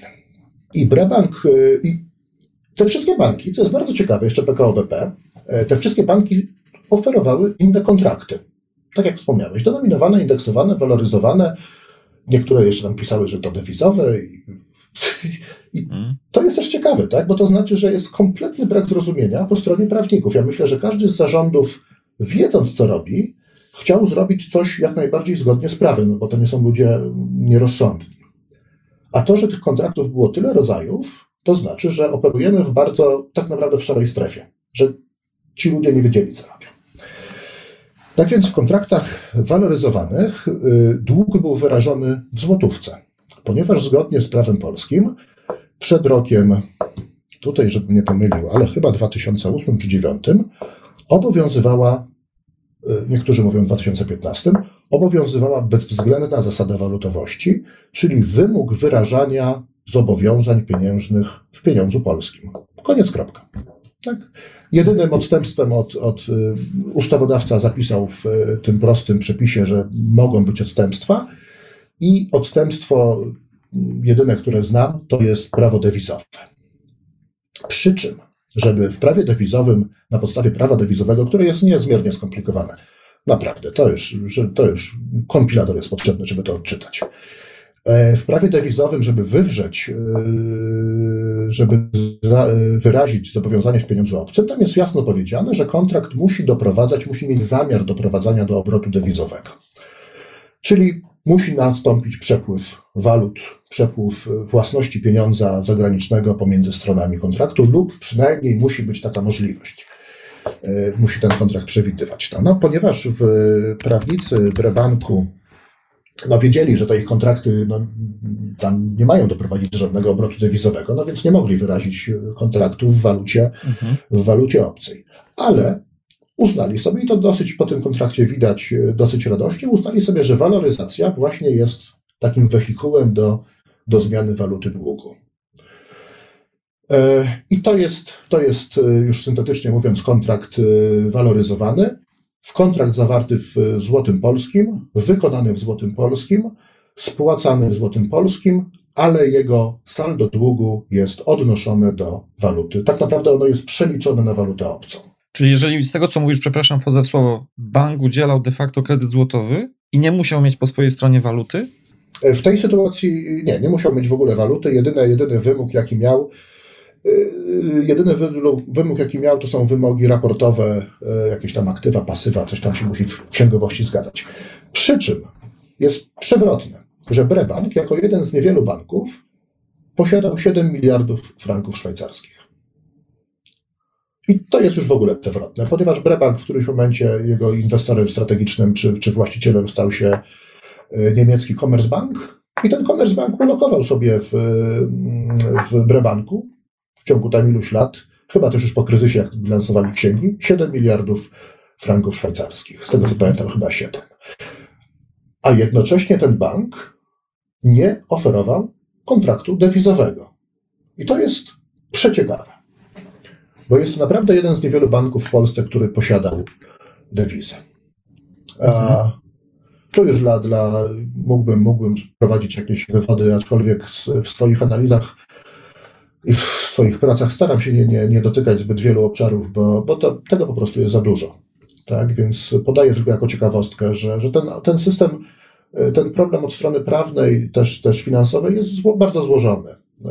Prawdopodobnie rozumiem przynajmniej częściowo tam przyczyny i aczkolwiek staram się pozostać po stronie prawa, żeby nie, już nie, nie, nie, nie wchodzić za głęboko w inne obszary. I, ale syntetycznie mówiąc, i to jest ciekawostka, że ja po, po, po 10 latach, gdy w 2015 roku gdzieś tam głęboko w szufladzie odnalazłem swój kontrakt, spojrzałem na niego i ja mówię, rety, przecież to w złotówkach. Jak to jest? Mm -hmm. tak, i to gdzieś, jak, jak kiedyś trafię do sądu i, i spyta się mnie ten sędzia, czy ja wiedziałem, co ja robię, no, no to ja wtedy będę mógł gdzieś tam na w internecie odnaleźć moje pierwsze artykuły, gdzie, gdzie taki zdziwiony pisze, że słuchajcie ludzie, to w ogóle jest w Złotym Polskim. Mhm. Z tego, co słyszałem pani Aleksandra Wiktorow, rzecznik finansowy, kiedyś słyszałem jej wypowiedź, w której stwierdziła, że jeżeli chodzi o klientów detalicznych, to nie było w ogóle udzielanych kredytów, e, w ogóle kredyty walutowe takim osobom nie były udzielane. Że owszem, jeżeli chodzi o kredyty walutowe w Polsce, to one były udzielane w jakimś nieznacznym E, nieznaczną skalę firmom, przedsiębiorstwom, natomiast klienci e, detaliczni nie mieli możliwości w ogóle e, dostępu do takiego produktu finansowego, czyli no właśnie. No, masz rację. Tak, znaczy, ja bym też słowo, kwestia nazewnictwa jest e, ważna. No, kredyt walutowy jest to, jest to, jak się okazuje, my z tym walczymy, że to jest zła nazwa. Ona to jest taka nazwa raportowa robocza mhm. bankowości. W raportach Narodowego Banku Polskiego, e, w którym roku nie pamiętam, chyba czwartym czy trzecim, jest taki fajny raport, w którym e, faceci piszą, e, tam analitycy, piszą, że a, już od tego roku to będziemy mówili, że kredyty indeksowane są walutowe i w ogóle w statystyce będziemy je walutowe yy, w słupki walutowych zobowiązań włączać. Tam czerwiec, czyli taki wykres jest mhm. pokazany, gdzie te słupki się tam przesuwają. Tak? Wcześniej mówiono otwarcie, że to są, że to są instrumenty złotowe, tylko indeksowane, a tam 2003 czy 2004 rok powiedziano, że to są, yy, już wchodzą w raportowanie dewizowych. I byłbym bardzo ostrożny z tymi nazwami. Ja myślę, że tu trzeba, żeby być precyzyjny, trzeba powiedzieć o, o tej walucie wykonania, tak? Że waluta wykonania kontraktu czy spłaty jest, jest obca albo, albo polska. E, znów, dlaczego, dlaczego y, tak się stało? No, banki mówią, przecież nikt nie potrzebował franka czy euro. Oczywiście, że nikt, tak? I to pokazuje, mhm. to pokazuje y, pokrętność całej zabawy. I tak naprawdę y, y, absolutną nielegalność tej operacji. Dlaczego? Ponieważ pokazuje, że użyto waluty obcej tylko w celu spekulacyjnym. Po to, żeby mieć niższe oprocentowanie. Tak? Mhm. Coś, co prawdopodobnie zajmując się finansami, wiesz, że to pewnie robią finansiści, profesjonaliści, ten element, to narzędzie dano amatorom. Tak. Y, część z nas, y, y, myślę, że już prawie to nawet nie jest część z nas, a już, już, już, już wiemy, że ekonomiści mówią, że te umowy to są umowy z, z wszczepionym derywatywem, gdzie zamieniono, to się chyba CIRS nazywa, czy jakiś tam inny mhm. taki, gdzie zamieniono strumienie finansowe, zamienia się strumienie finansowe po to, żeby korzystać z niższego oprocentowania tak naprawdę to się w transakcjach handlowych wykonuje. Chyba w latach 70. IBM to zrobił, mając wiele kontraktów na świecie. Z którymś bankiem doszedł do wniosku, że jak oni zawrą taką umowę, tam CIRS czy jakąś, czy jakiś swap, się za bardzo nie orientuje, ale to im pomoże w utrzymaniu, w utrzymaniu płynności finansowej, bo nie będą musieli tam handlować tymi walutami, tylko bank to sobie tam jakoś przejmie. Y, to narzędzie dano, wrzucono do kontraktów i teraz chyba już to wiemy, że to po prostu jest zaszyte w tych naszych umowach. I teraz to od strony prawnej, bo, bo chociaż teraz możemy chyba delikatnie już przejść do, może jeszcze o indeksowanym kredycie powiem mhm. słowo, ponieważ jakieś trzy lata temu intuicyjnie pozostawiłem w mojej pierwszej broszurce rozdział kredyt indeksowany, pisząc, że chyba to jest waloryzowane, ale ale utrzymam to jako inną nazwę, żeby nie mówić, że to jest taki synonim. I okazuje się, że w trakcie rozpraw sądowych Bank Millennium, y, Bank Millennium otwarcie mówi, że oni nie używają waloryzacji. Y, myślę, że dlaczego tak robią? Dlatego, że prawo mówi, że nie wolno waloryzować. Tam jest taki fajny przepis, który mówi, że nie wolno stosować waloryzacji umownej, gdy przepis szczegółowy sam gwarantuje utrzymanie wartości nominalnej zobowiązania. E, może z tego powodu e, nie odwołują się do waloryzacji, a może dlatego, że są święcie przekonani, że praktyka bankowa wyznacza w Polsce prawo. W każdym razie bank e, Millennium, prawnicy tego banku otwarcie mówią, że oni nie waloryzują, oni indeksują. Przy czym chyba nie za bardzo mówią, jaka jest podstawa prawna tej indeksacji, co jest naprawdę dosyć zabawne.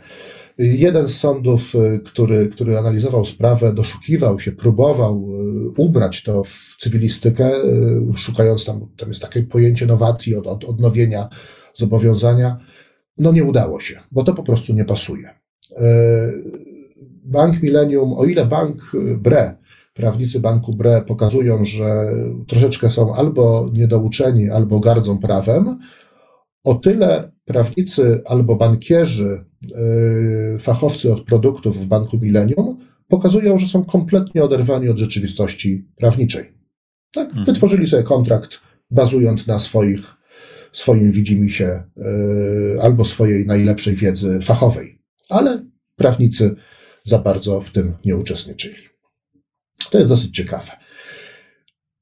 Przejdźmy teraz do, a może się zatrzymam się przy, przy tych umowach złotowych, bo Tutaj muszę dotknąć natury kredytu. To jest kolejny obszar, kolejny obszar zupełnie niezrozumiany y, w, w naszej doktrynie prawa, czy, czy właściwie chyba nikt nie wie, czym jest kredyt bankowy, czym jest umowa kredytu. Pojawiają się jakieś dziwne wypowiedzi o tym, że to jest jakaś dzierżawa kapitału, jakieś takie dziwne tak rzeczy, no, dla mnie trochę dziwne. Ja, ja zadałem to pytanie, czym jest ta umowa kredytu.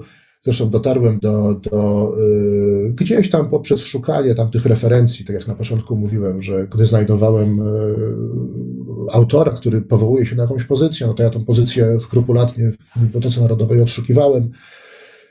I znalazł, dotarłem do pracy y, przewodu y, habilitacyjnego profesora Wojciecha Pyzioła z UJ, który na nie wiem, chyba 200 stronach w 80 notabene 6 roku analizował umowę kredytu, y, odnosząc się do y, chyba dorobku niemieckiego, węgierskiego, chyba francuskiego. Bardzo fajna analiza, y, chyba pierwsza i ostatnia, a na pewno ostatnia, bo później nikt tego już nie analizował. Zresztą wynikiem prac profesora Pyzioła jest treść artykułu 69 prawa bankowego, czyli umowy kredytu. I teraz poprzez, poprzez chyba także dzięki tej, tej, tej, tej pracy dotarłem do, tutaj zabawna sprawa, dotarłem do węgierskiego kodeksu cywilnego, który, który zresztą w 80 też chyba 6 czy 5 roku, zresztą pod, pod redakcją profesor Łętowskiej, został przetłumaczony na język polski. I to jest dosyć ciekawe, bo to pokazuje, że prawnicy wtedy wykonywali sumiennie swoją pracę. Ponieważ praca prawnika, a szczególnie y, teoretyka, no to nie jest tylko y, wymyślanie, naginanie czy, czy kombinowanie w obrębie prawa. Bardzo często niestety na potrzeby zamówienia albo rządowego, albo, albo biznesowego. Niestety. Wtedy, wtedy prawnicy widać było, że poszukują w systemach prawa innych krajów, w systemach y, prawa innych krajów. I właśnie podobno, znaczy gospodarka węgierska jest o tyle, ja tak to rozumiem, że jest o tyle ciekawa, że kodeks cywilny węgierski i pewnie szereg innych przepisów kraju tak samo socjalistycznego jak Polski wtedy, jak Polska, ale ich przepisy bazowały na doświadczeniach e, austro-węgierskich. To się chyba nazywa BGB. Czyli oni opierali, właściwie jak, jak z prawnikiem się rozmawia, który trochę bardziej rozumie system prawa i jego korzenie, to prawnik się spyta, słuchaj, a ten, a ten system, ten kodeks cywilny, to on pochodzi tam z, z, z rzymskich korzeni bardziej, czy bardziej już z niemieckich. No i węgierski pochodził z, bardziej z niemieckich i on mógł być postrzegany przez polskich prawników jako fajne źródło wiedzy. I tam dokładnie profesor Pyzioł e, podpatrzył e, umowę kredytu, E, zresztą on kontynuował pracę profesora Grzybowskiego z lat 70., to, to jest troszeczkę inna historia, może jej dotkniemy.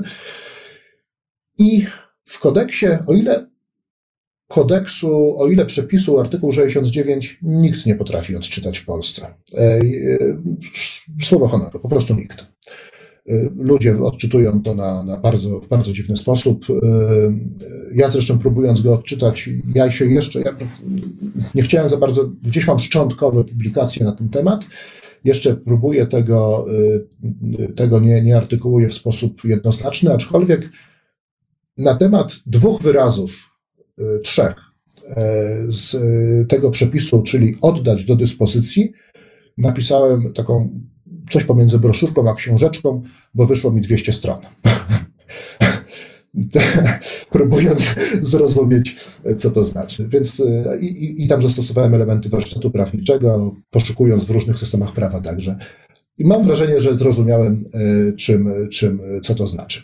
I, te, I teraz w systemie węgierskim umowa kredytu jest powiedziana, jest bardzo łatwo opisana. Ona mówi coś takiego, że jest to umowa, na podstawie której bank zobowiązuje się wykonać operacje płatnicze do określonej kwoty pieniędzy. I to będą albo operacje płatnicze na rzecz osoby trzeciej, albo zobowiązuje się do udzielenia pożyczek do określonej sumy, czyli kwoty. I to jest umowa kredytu. Umowa kredytu to jest zobowiązanie banku, tak naprawdę w przypadku umów hipotecznych, do zapłaty na rzecz osoby trzeciej, czyli na rzecz sprzedającego mieszkanie. I teraz, gdy sobie to możemy jako hipotezę, ja już to przyjmuję jako, jako, jako fakt, y, prawnik, który to analizuje, mógłby to przyjąć jako hipotezę. Jeżeli to zrobimy, to wtedy w systemie prawa w kodeksie cywilnym znajdziemy przepisy, które to obsługują. To są artykuły 391, y, chyba 2 i z tego, co z tego wynika?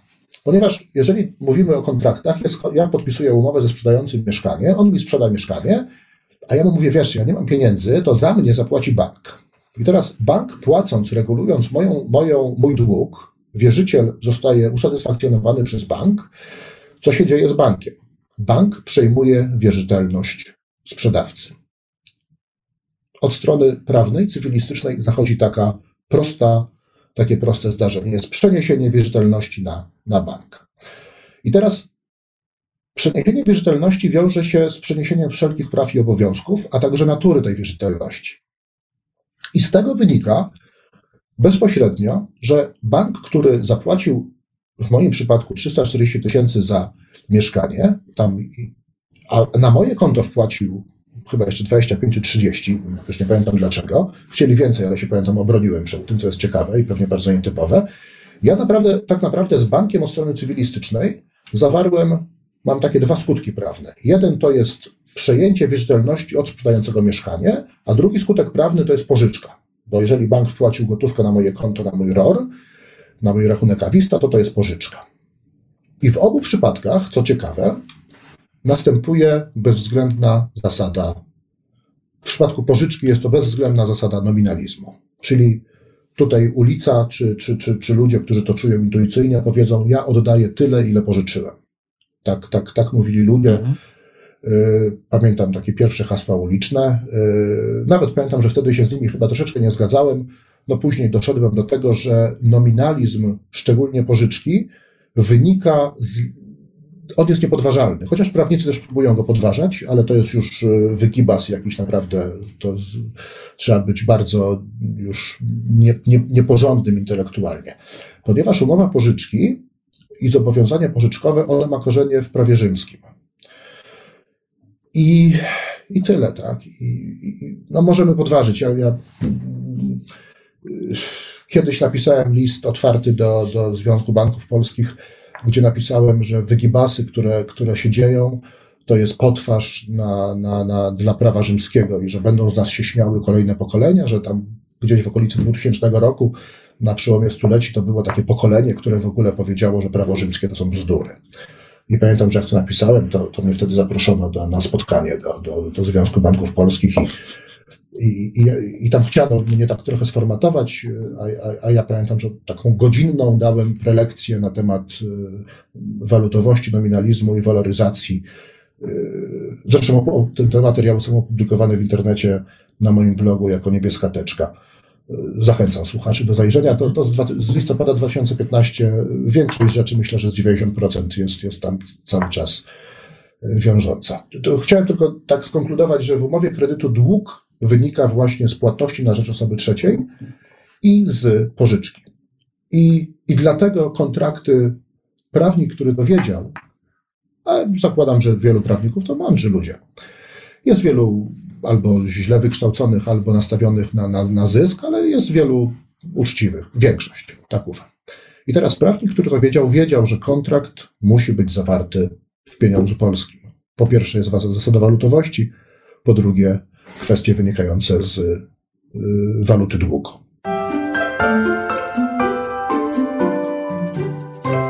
Właśnie, bo ja tu tu mam takie pytanie teraz, bo co w sytuacji, gdy ktoś pożyczył, załóżmy 200 tysięcy złotych, a na wskutek indeksacji i spadku wartości mm, kursu franka szwajcarskiego, załóżmy, wyszłoby, że do oddania nagle jest dług 150 tysięcy złotych. Znaczy, czy jest możliwe w sensie prawnym oddać mniej niż się pożyczyło? To jest bardzo dobre pytanie, jest, jest to też jeden z argumentów y, prawniczych, z tego co wiem, radców prawnych, pokazujący nierówność kontraktową. Od strony prawnej to jest niemożliwe, od strony prawnej tak nie powinno być, ale od strony praktyki bankowej chyba tak było, bo, bo, bo już tak, żeby nie dramatyzować, to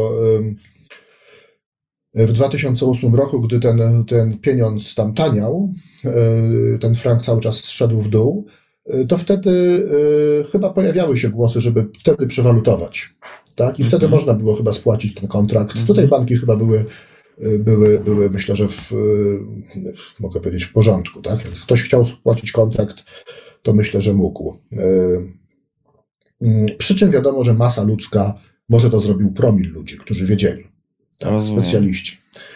Jeden, jeden z doradców kredytowych, nie będę wymieniał nazwiska, Y, zresztą atakowany za to, że y, osoba znana publicznie, atakowana za to, że sprzedawała kredyty hipoteczne odnoszone do walut obcych. Mówi, słuchajcie, no sprzedawałem, bo, bo taki był rynek, ale w 2008 roku mówiłem, żeby je przewalutować. Ale wtedy już nie słuchaliście. tak? Więc myślę, że z tej strony tutaj znów górę wzięła praktyka bankowa że no, bank myślał sobie, że banki naprawdę, ja mam wrażenie, że banki naprawdę sądziły, że, że, że, że robią dobrze. Rozumiem. No teraz się nauczą, że robiły źle. I to będzie wielka, wielka nauka i bardzo gorzka. No, ja znalazłem taki, mm, ty będziesz znał o, o wiele lepiej tą sytuację, taki przykład, gdzie te umowy mm, tych kredytów, y, tak zwanych walutowych, mają duży problem. Mianowicie każdego dnia wartość tego zadłużenia się zmienia, ponieważ zmienia się kurs waluty. A więc de facto, biorąc pod uwagę też e, mm, oprocentowanie, ten kredyt powinien być przeliczany każdego dnia. Natomiast ludzie spłacają kredyt jakiegoś konkretnego dnia co miesiąc, zwykle ratę. I tutaj pojawia się problem e, właśnie z tymi kredytami, jak to zadłużenie tak naprawdę przeliczać. Ja staram się tutaj mówić tak w miarę, jak to jest możliwe, prostym językiem, żeby to było zrozumiałe dla, dla słuchaczy, ale nie wiem, czy wiesz, o co mi chodzi tutaj. Mm, chyba, ja chyba znam tą argumentację. E, od strony, od strony obsługi długu, tak naprawdę dług e, obliczamy na dzień, na dzień naliczenia odsetek. E, odsetki mhm. są naliczane od, od długu pozostałego do spłaty, powiemy mhm. potocznie albo specjalistycznie od salda, salda kredytu. Tak naprawdę salda długu, bo, bo też jest to pewna nieumiejętność językowa, gdy na dług mówimy kredyt. Kredyt nie jest długiem, a, a, a przynajmniej kredyt jest długiem banku względem kredytobiorcy.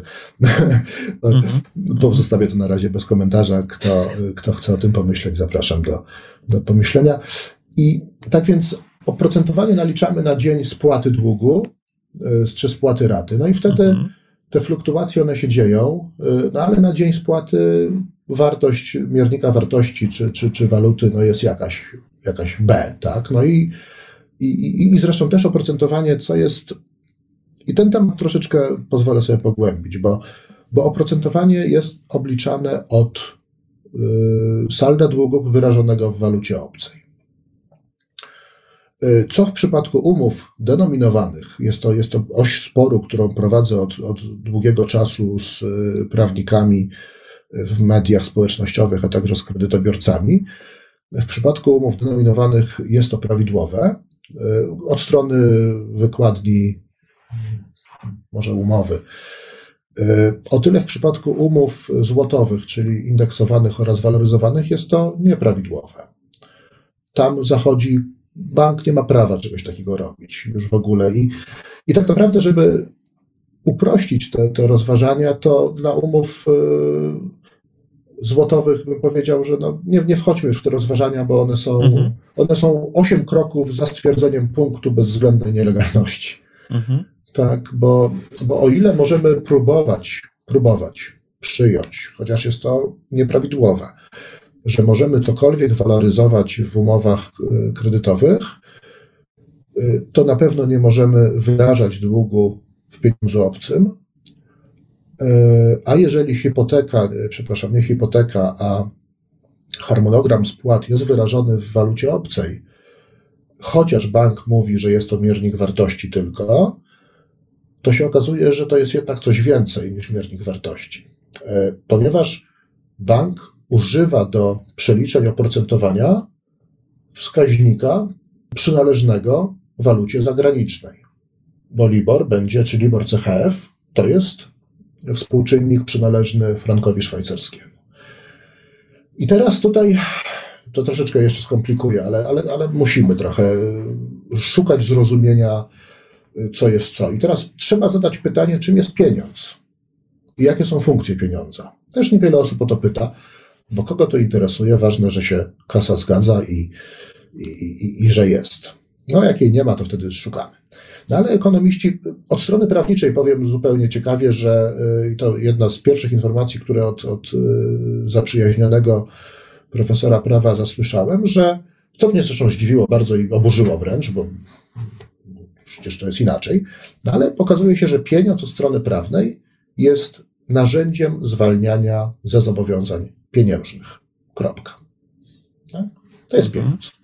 Natomiast ekonomista powie, że pieniądz to jest takie narzędzie, które ma ileś funkcji. I ono ma, spróbuję wymienić cztery funkcje.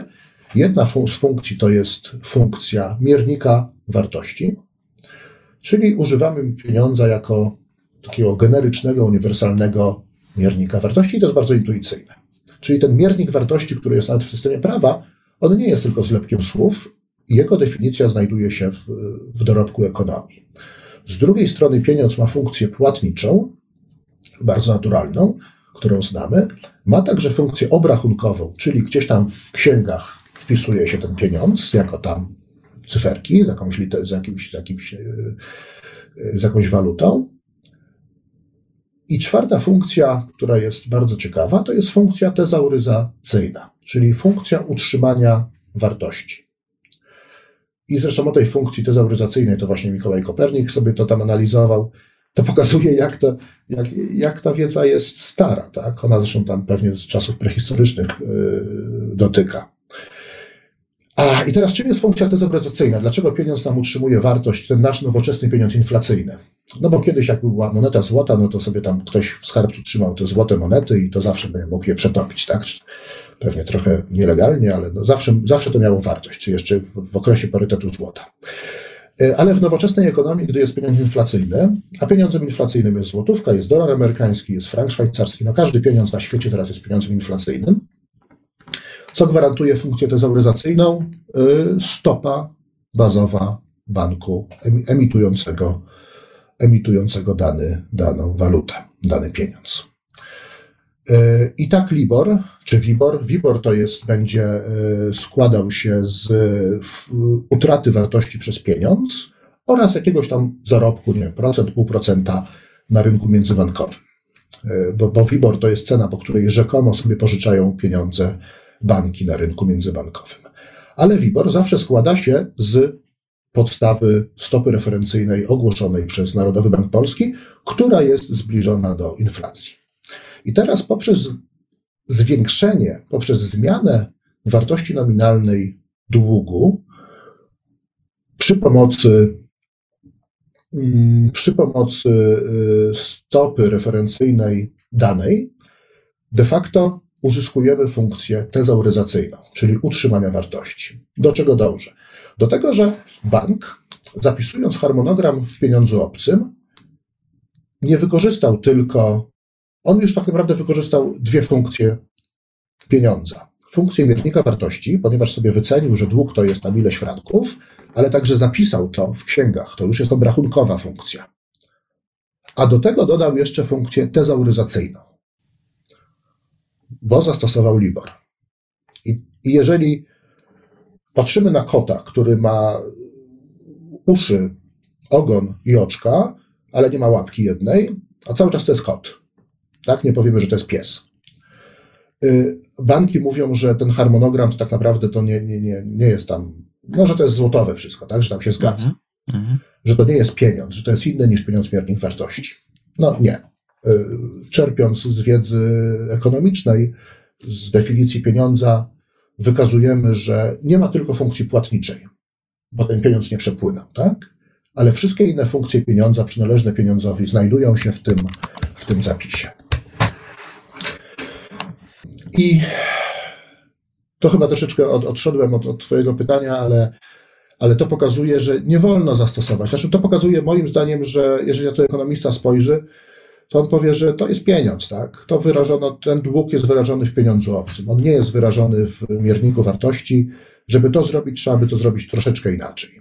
E, zresztą o tym w ostatnich miesiącach, e, pięć miesięcy w maju bodajże, na konferencji, myślę, że, że, że świat e, prawników i, i bankierów był bardzo zaskoczony opinią profesora Brzosowskiego, który mniej więcej to powiedział w troszkę prostszy sposób, ale mniej więcej to powiedział publicznie, dwukrotnie zresztą, plus jeszcze skarcił sektor bankowy za naruszenie paru innych e, fundamentalnych zasad e, prawa.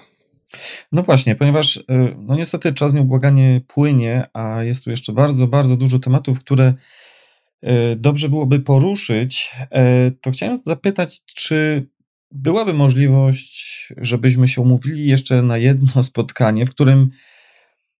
Bo teraz trochę poruszyliśmy tematy, powiedzmy, teoretyczne, takie podstawy, które są potrzebne do tego, aby móc wejść w temat i lepiej zrozumieć cały problem. Ale czy byłaby możliwość, żebyśmy mogli się umówić następnym razem na taką dyskusję, gdzie porozmawialibyśmy o takich praktycznych aspektach, jak przenieść tę wiedzę na poziom takiego zwykłego, przeciętnego Kowalskiego, który ma kredyt i nie wie, co z tym zrobić. Czy pójść do sądu, a jeśli pójść do sądu, to jaką linię obrony przyjąć, a być może próbować się dogadać z bankiem w ten czy inny sposób, a być może jeszcze zrobić coś innego. Yy, I tak, żeby po prostu, ponieważ ta sprawa jest cały czas rozwojowa, móc pomóc takim osobom w problemie, niejako tutaj podjąć jakieś działanie, żeby e, ten problem e, ogarnąć. Czy zgodziłbyś się na, na, na, jeszcze jedną sesję? Prawdopodobnie by to było za, za, za kilka ładnych tygodni, bo rozumiem, że to bardzo dużo czasu wszystko zajmuje, ale chodziło mi o taki pewien poradnik dla, dla przeciętnego Kowalskiego. Jak najbardziej. Myślę, że mhm. dziękując za, za, za, za, za, za czas, który też poświęcasz na rozmowę ze mną, e, ja tutaj widzę chyba obszar na jeszcze dwie sesje, tak prawdę mówiąc. No właśnie, bo, bo, bo wiesz, to bo, jest tak. Bo, temat jest bardzo szeroki, Dokładnie. A, a udaje nam się dzięki też twoj, Twojemu zrozumieniu tematu, które muszę powiedzieć, że jest ponadprzeciętne, bo co prawda ocierasz się o, o pewną taką publicystykę, ale, ale to jest otarcie. A, a, a, zakres y, problemów czy pytań, które stawiasz, jest, jest, jest bardzo trafny, tak? I dobrze nam się rozmawia. Wydaje mi się, że możemy jeszcze tych, tych, te, te sesje pociągnąć e, dalej z e, korzyścią dla, dla nas obu, także dla mnie, bo sobie pewne rzeczy krystalizuję i układam. I przypominam, bo już o wielu rzeczach zapomniałem po prostu, e, no ale przede wszystkim dla słuchaczy, bo temat jest niezwykle trudny, złożony. To, co mnie boli, w mediach społecznościowych ludzie są poddawani emocjom emocje to jest ostatnia rzecz, które przy tych, w tym obszarze powinniśmy mieć włączone. One oczywiście się włączają, gdy pojawiają, gdy, gdy ludzie wpadają w tarapaty, ale także wtedy emocje muszą być trzymane na wodzy. Ponieważ gdy jest problem, a problem związany z kredytem hipotecznym bardzo często jest jednym z większych problemów życiowych, gdy jest problem, to trzeba ten problem złapać za rogi i go kontrolować, rozwiązać. Nie można wtedy oddać się w ręce osoby trzeciej, powiemy tutaj brutalnie kancelarii prawniczej, która, może nie brutalnie jeszcze, ale, ale która, i tu powiem brutalnie, która niestety traktuje nas jako źródło swojego dochodu. I dlatego chciałem właśnie z Tobą też porozmawiać jeszcze w tych przyszłych sesjach, nawet jak mówisz, że to jeszcze nie będzie jedna sesja, która załatwi temat, żeby i od tej strony przygotować takiego przeciętnego Kowalskiego, bo wiedza teoretyczna, która no jest bardzo tutaj rozległa w tym temacie, to jest jedno, ale trzeba mieć pewną strategię, jak do tego problemu podejść, bo przeciętny znów Kowalski może sobie pomyśleć tak, jak nie nawet stać na pójście do kancelarii, to ja po prostu pójdę, zapłacę tam honorarium i jest po problemie. Ale niestety, to tak nie funkcjonuje, jak tak się domyślam. Funkcjonuje. Przeciętny Gowalski na dziś e, może pójść do kancelarii, e, no, która tam mówi, że się tym zajmuje, żeby odzyskać tak zwane ubezpieczenie niskiego wkładu. W większości przypadków, myślę, że 99% po prostu sądy nie, są bez, bez, bezsilne. Tak? Znaczy sądy, są, mhm. E, sądy wykonują, to jest osobny jeszcze obszar, który też warto skomentować, pozycję sądów w tym wszystkim i polityków, ale to może w kolejnej sesji. Ale o ile kwestie kontraktów poprzez y, różno, różnorakość tych, tych, tych form prawnych są, są złożone, o tyle kwestie ubezpieczenia niskiego wkładu są niezwykle proste. Ubezpieczenie jest przepisem doskonale opisanym w kodeksie cywilnym, y, tam artykuły 804 i kolejne, doskonale znanym, także dla sądów, ponieważ e, chyba dekadę temu yy, towarzystwa ubezpieczeniowe dostały nieźle po głowie za, za swoją, e, za swoją butę. Pojawiły się kancelarie prawnicze, które świetnie zaczęły sobie radzić z kancelariami, z towarzystwami ubezpieczeniowymi. Zresztą dzięki temu teraz w, mamy dostęp do samochodu zastępczego. I myślę, że dzięki temu sądy doskonale rozumieją, w sądach jest doskonały poziom wiedzy na temat tego, czym jest umowa ubezpieczenia. I dlatego, jeżeli ktoś chce iść do sądu, yy, tak z marszu, to może to zrobić z ubezpieczeniem niskiego wkładu.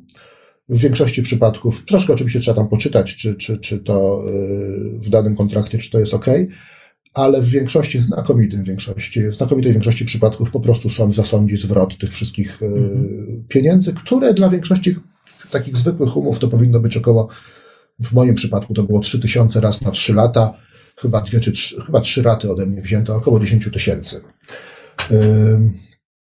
Przy czym, na przykład ja często się spotykam z zarzutem, że, że ja tam wypisuję w internecie różne rzeczy, mądrze się i a sam nie prowadzę sprawy sądowej.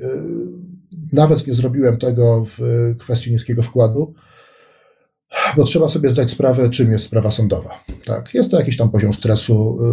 Ja prowadząc sobie życie zawodowe, jakieś tam zarobkowe, nie chcę tego przy, przy, obciążać mojego życia jeszcze sprawą sądową. Robiąc to, trzeba, trzeba także ten element wziąć pod uwagę. Trzeba pójść do sądu, jakieś przesłuchanie jest, ktoś się tam o coś pyta. Tak, kto co lubi. Aczkolwiek y, niski wkład po prostu jest do, do odebrania i jako wstęp może do, do, do, do już głębszej rozmowy ten, na ten temat mogę powiedzieć, że jest to całkiem dobra strategia, żeby albo pierwszy, pierwszy etap strategii walki z sądem, żeby zdobyć kapitał czy pieniądze na, na, na dalszą walkę. Tak, po prostu odebrać te pieniądze z niskiego wkładu, pewnie między 5 a 10 tysięcy. To już jest jakiś Należy to włożyć na konto oszczędnościowe w banku, z którym później będziemy się z nim sądzić. Mhm. Niech rosną procenty. Yy, tak, i, a, a kwestie, yy, kwestie już dalszych, dalszego procedowania yy, w, w ramach umowy kredytowej, tak, tak, pewnie tak. Omówmy to kolejnym razem. Mhm. Jest to obszar równie skomplikowany, ponieważ to jest już obszar dotykający postępowania cywilnego, procedury. To już też jest teatr, po prostu teatr sądowy, gdzie występują, ja na wstępie to, to o tym wspomniałem, że tam występują zupełnie inne siły. Już nie szukamy prawdy, tylko teatr sądowy to jest walka o wygraną. Czyli to już jest taki inny troszkę obszar. Y, który, w który wszedłem z powodów y, chyba też chęci zrozumienia tego, co się dzieje, żeby, żeby w przyszłości się przygotować, y, też wspomóc innych, bo, bo tak, nie każdy może poświęcić temu czas, nie każdy mo ma możliwości, żeby to zrozumieć. Więc idąc ścieżką bankową, także, także w tym obszarze, próbuję się zorientować i, i coś wiem, przy czym jest to już naprawdę trudne, bo są to bardzo często y, proceduralne, proceduralne rzeczy. Y, aczkolwiek tą wiedzą, którą posiadam, bardzo chętnie się podzielę. Y, to nie będzie przepis, jak wygrać z bankiem, to będzie przepis, to będzie podzielenie się wiedzą, na co uważać, gdzie, gdzie są ryzyka, ponieważ to jest spór, tak? To, to, to mhm, jest mhm. spór, w którym dodatkowo jeszcze wchodzi trzeci gracz, kancelaria prawnicza.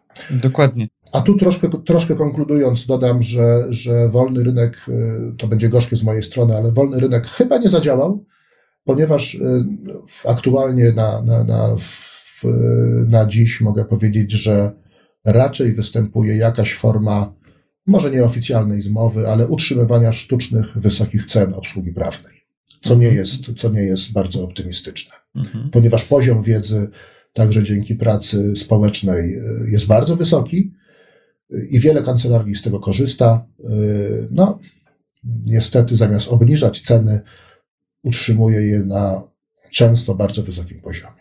Dlatego ja myślę, że dobrze byłoby właśnie takiego Kowalskiego uświadomić, że to nie jest takie proste, że wystarczy tylko wysupłać tam jakąś kwotę pieniędzy i pójść i będzie sprawa wygrana, nawet jeżeli się wydaje, że wszelkie argumenty przemawiają, e, e, są po naszej stronie.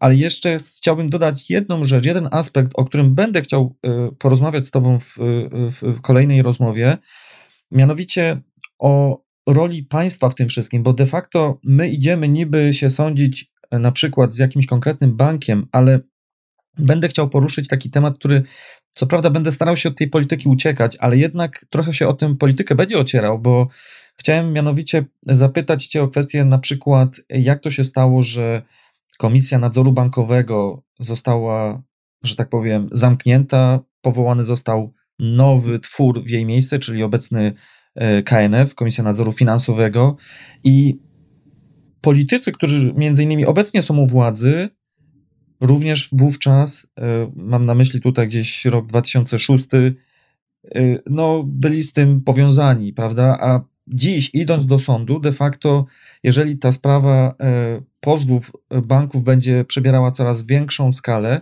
to de facto w pewnym momencie będziemy walczyć nie tylko z sądami, ale de facto z systemem, z państwem.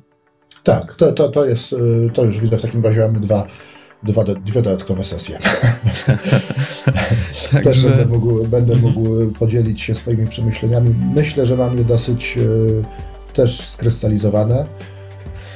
Ryszard, wielkie, wielkie dzięki za dzisiaj poświęcony czas. Y, już prawie trzy godziny mamy rozmowy za sobą. Będziemy się już offline umawiać na kolejne sesje. A ta sesja, którą dziś nagraliśmy, myślę, ona pojawi się gdzieś z końcem miesiąca, będzie opublikowana i będzie też zapowiedź kolejnych sesji. Także serdecznie, serdecznie dziękuję w swoim imieniu i słuchaczy i do usłyszenia następnym razem. Dziękuję, do usłyszenia.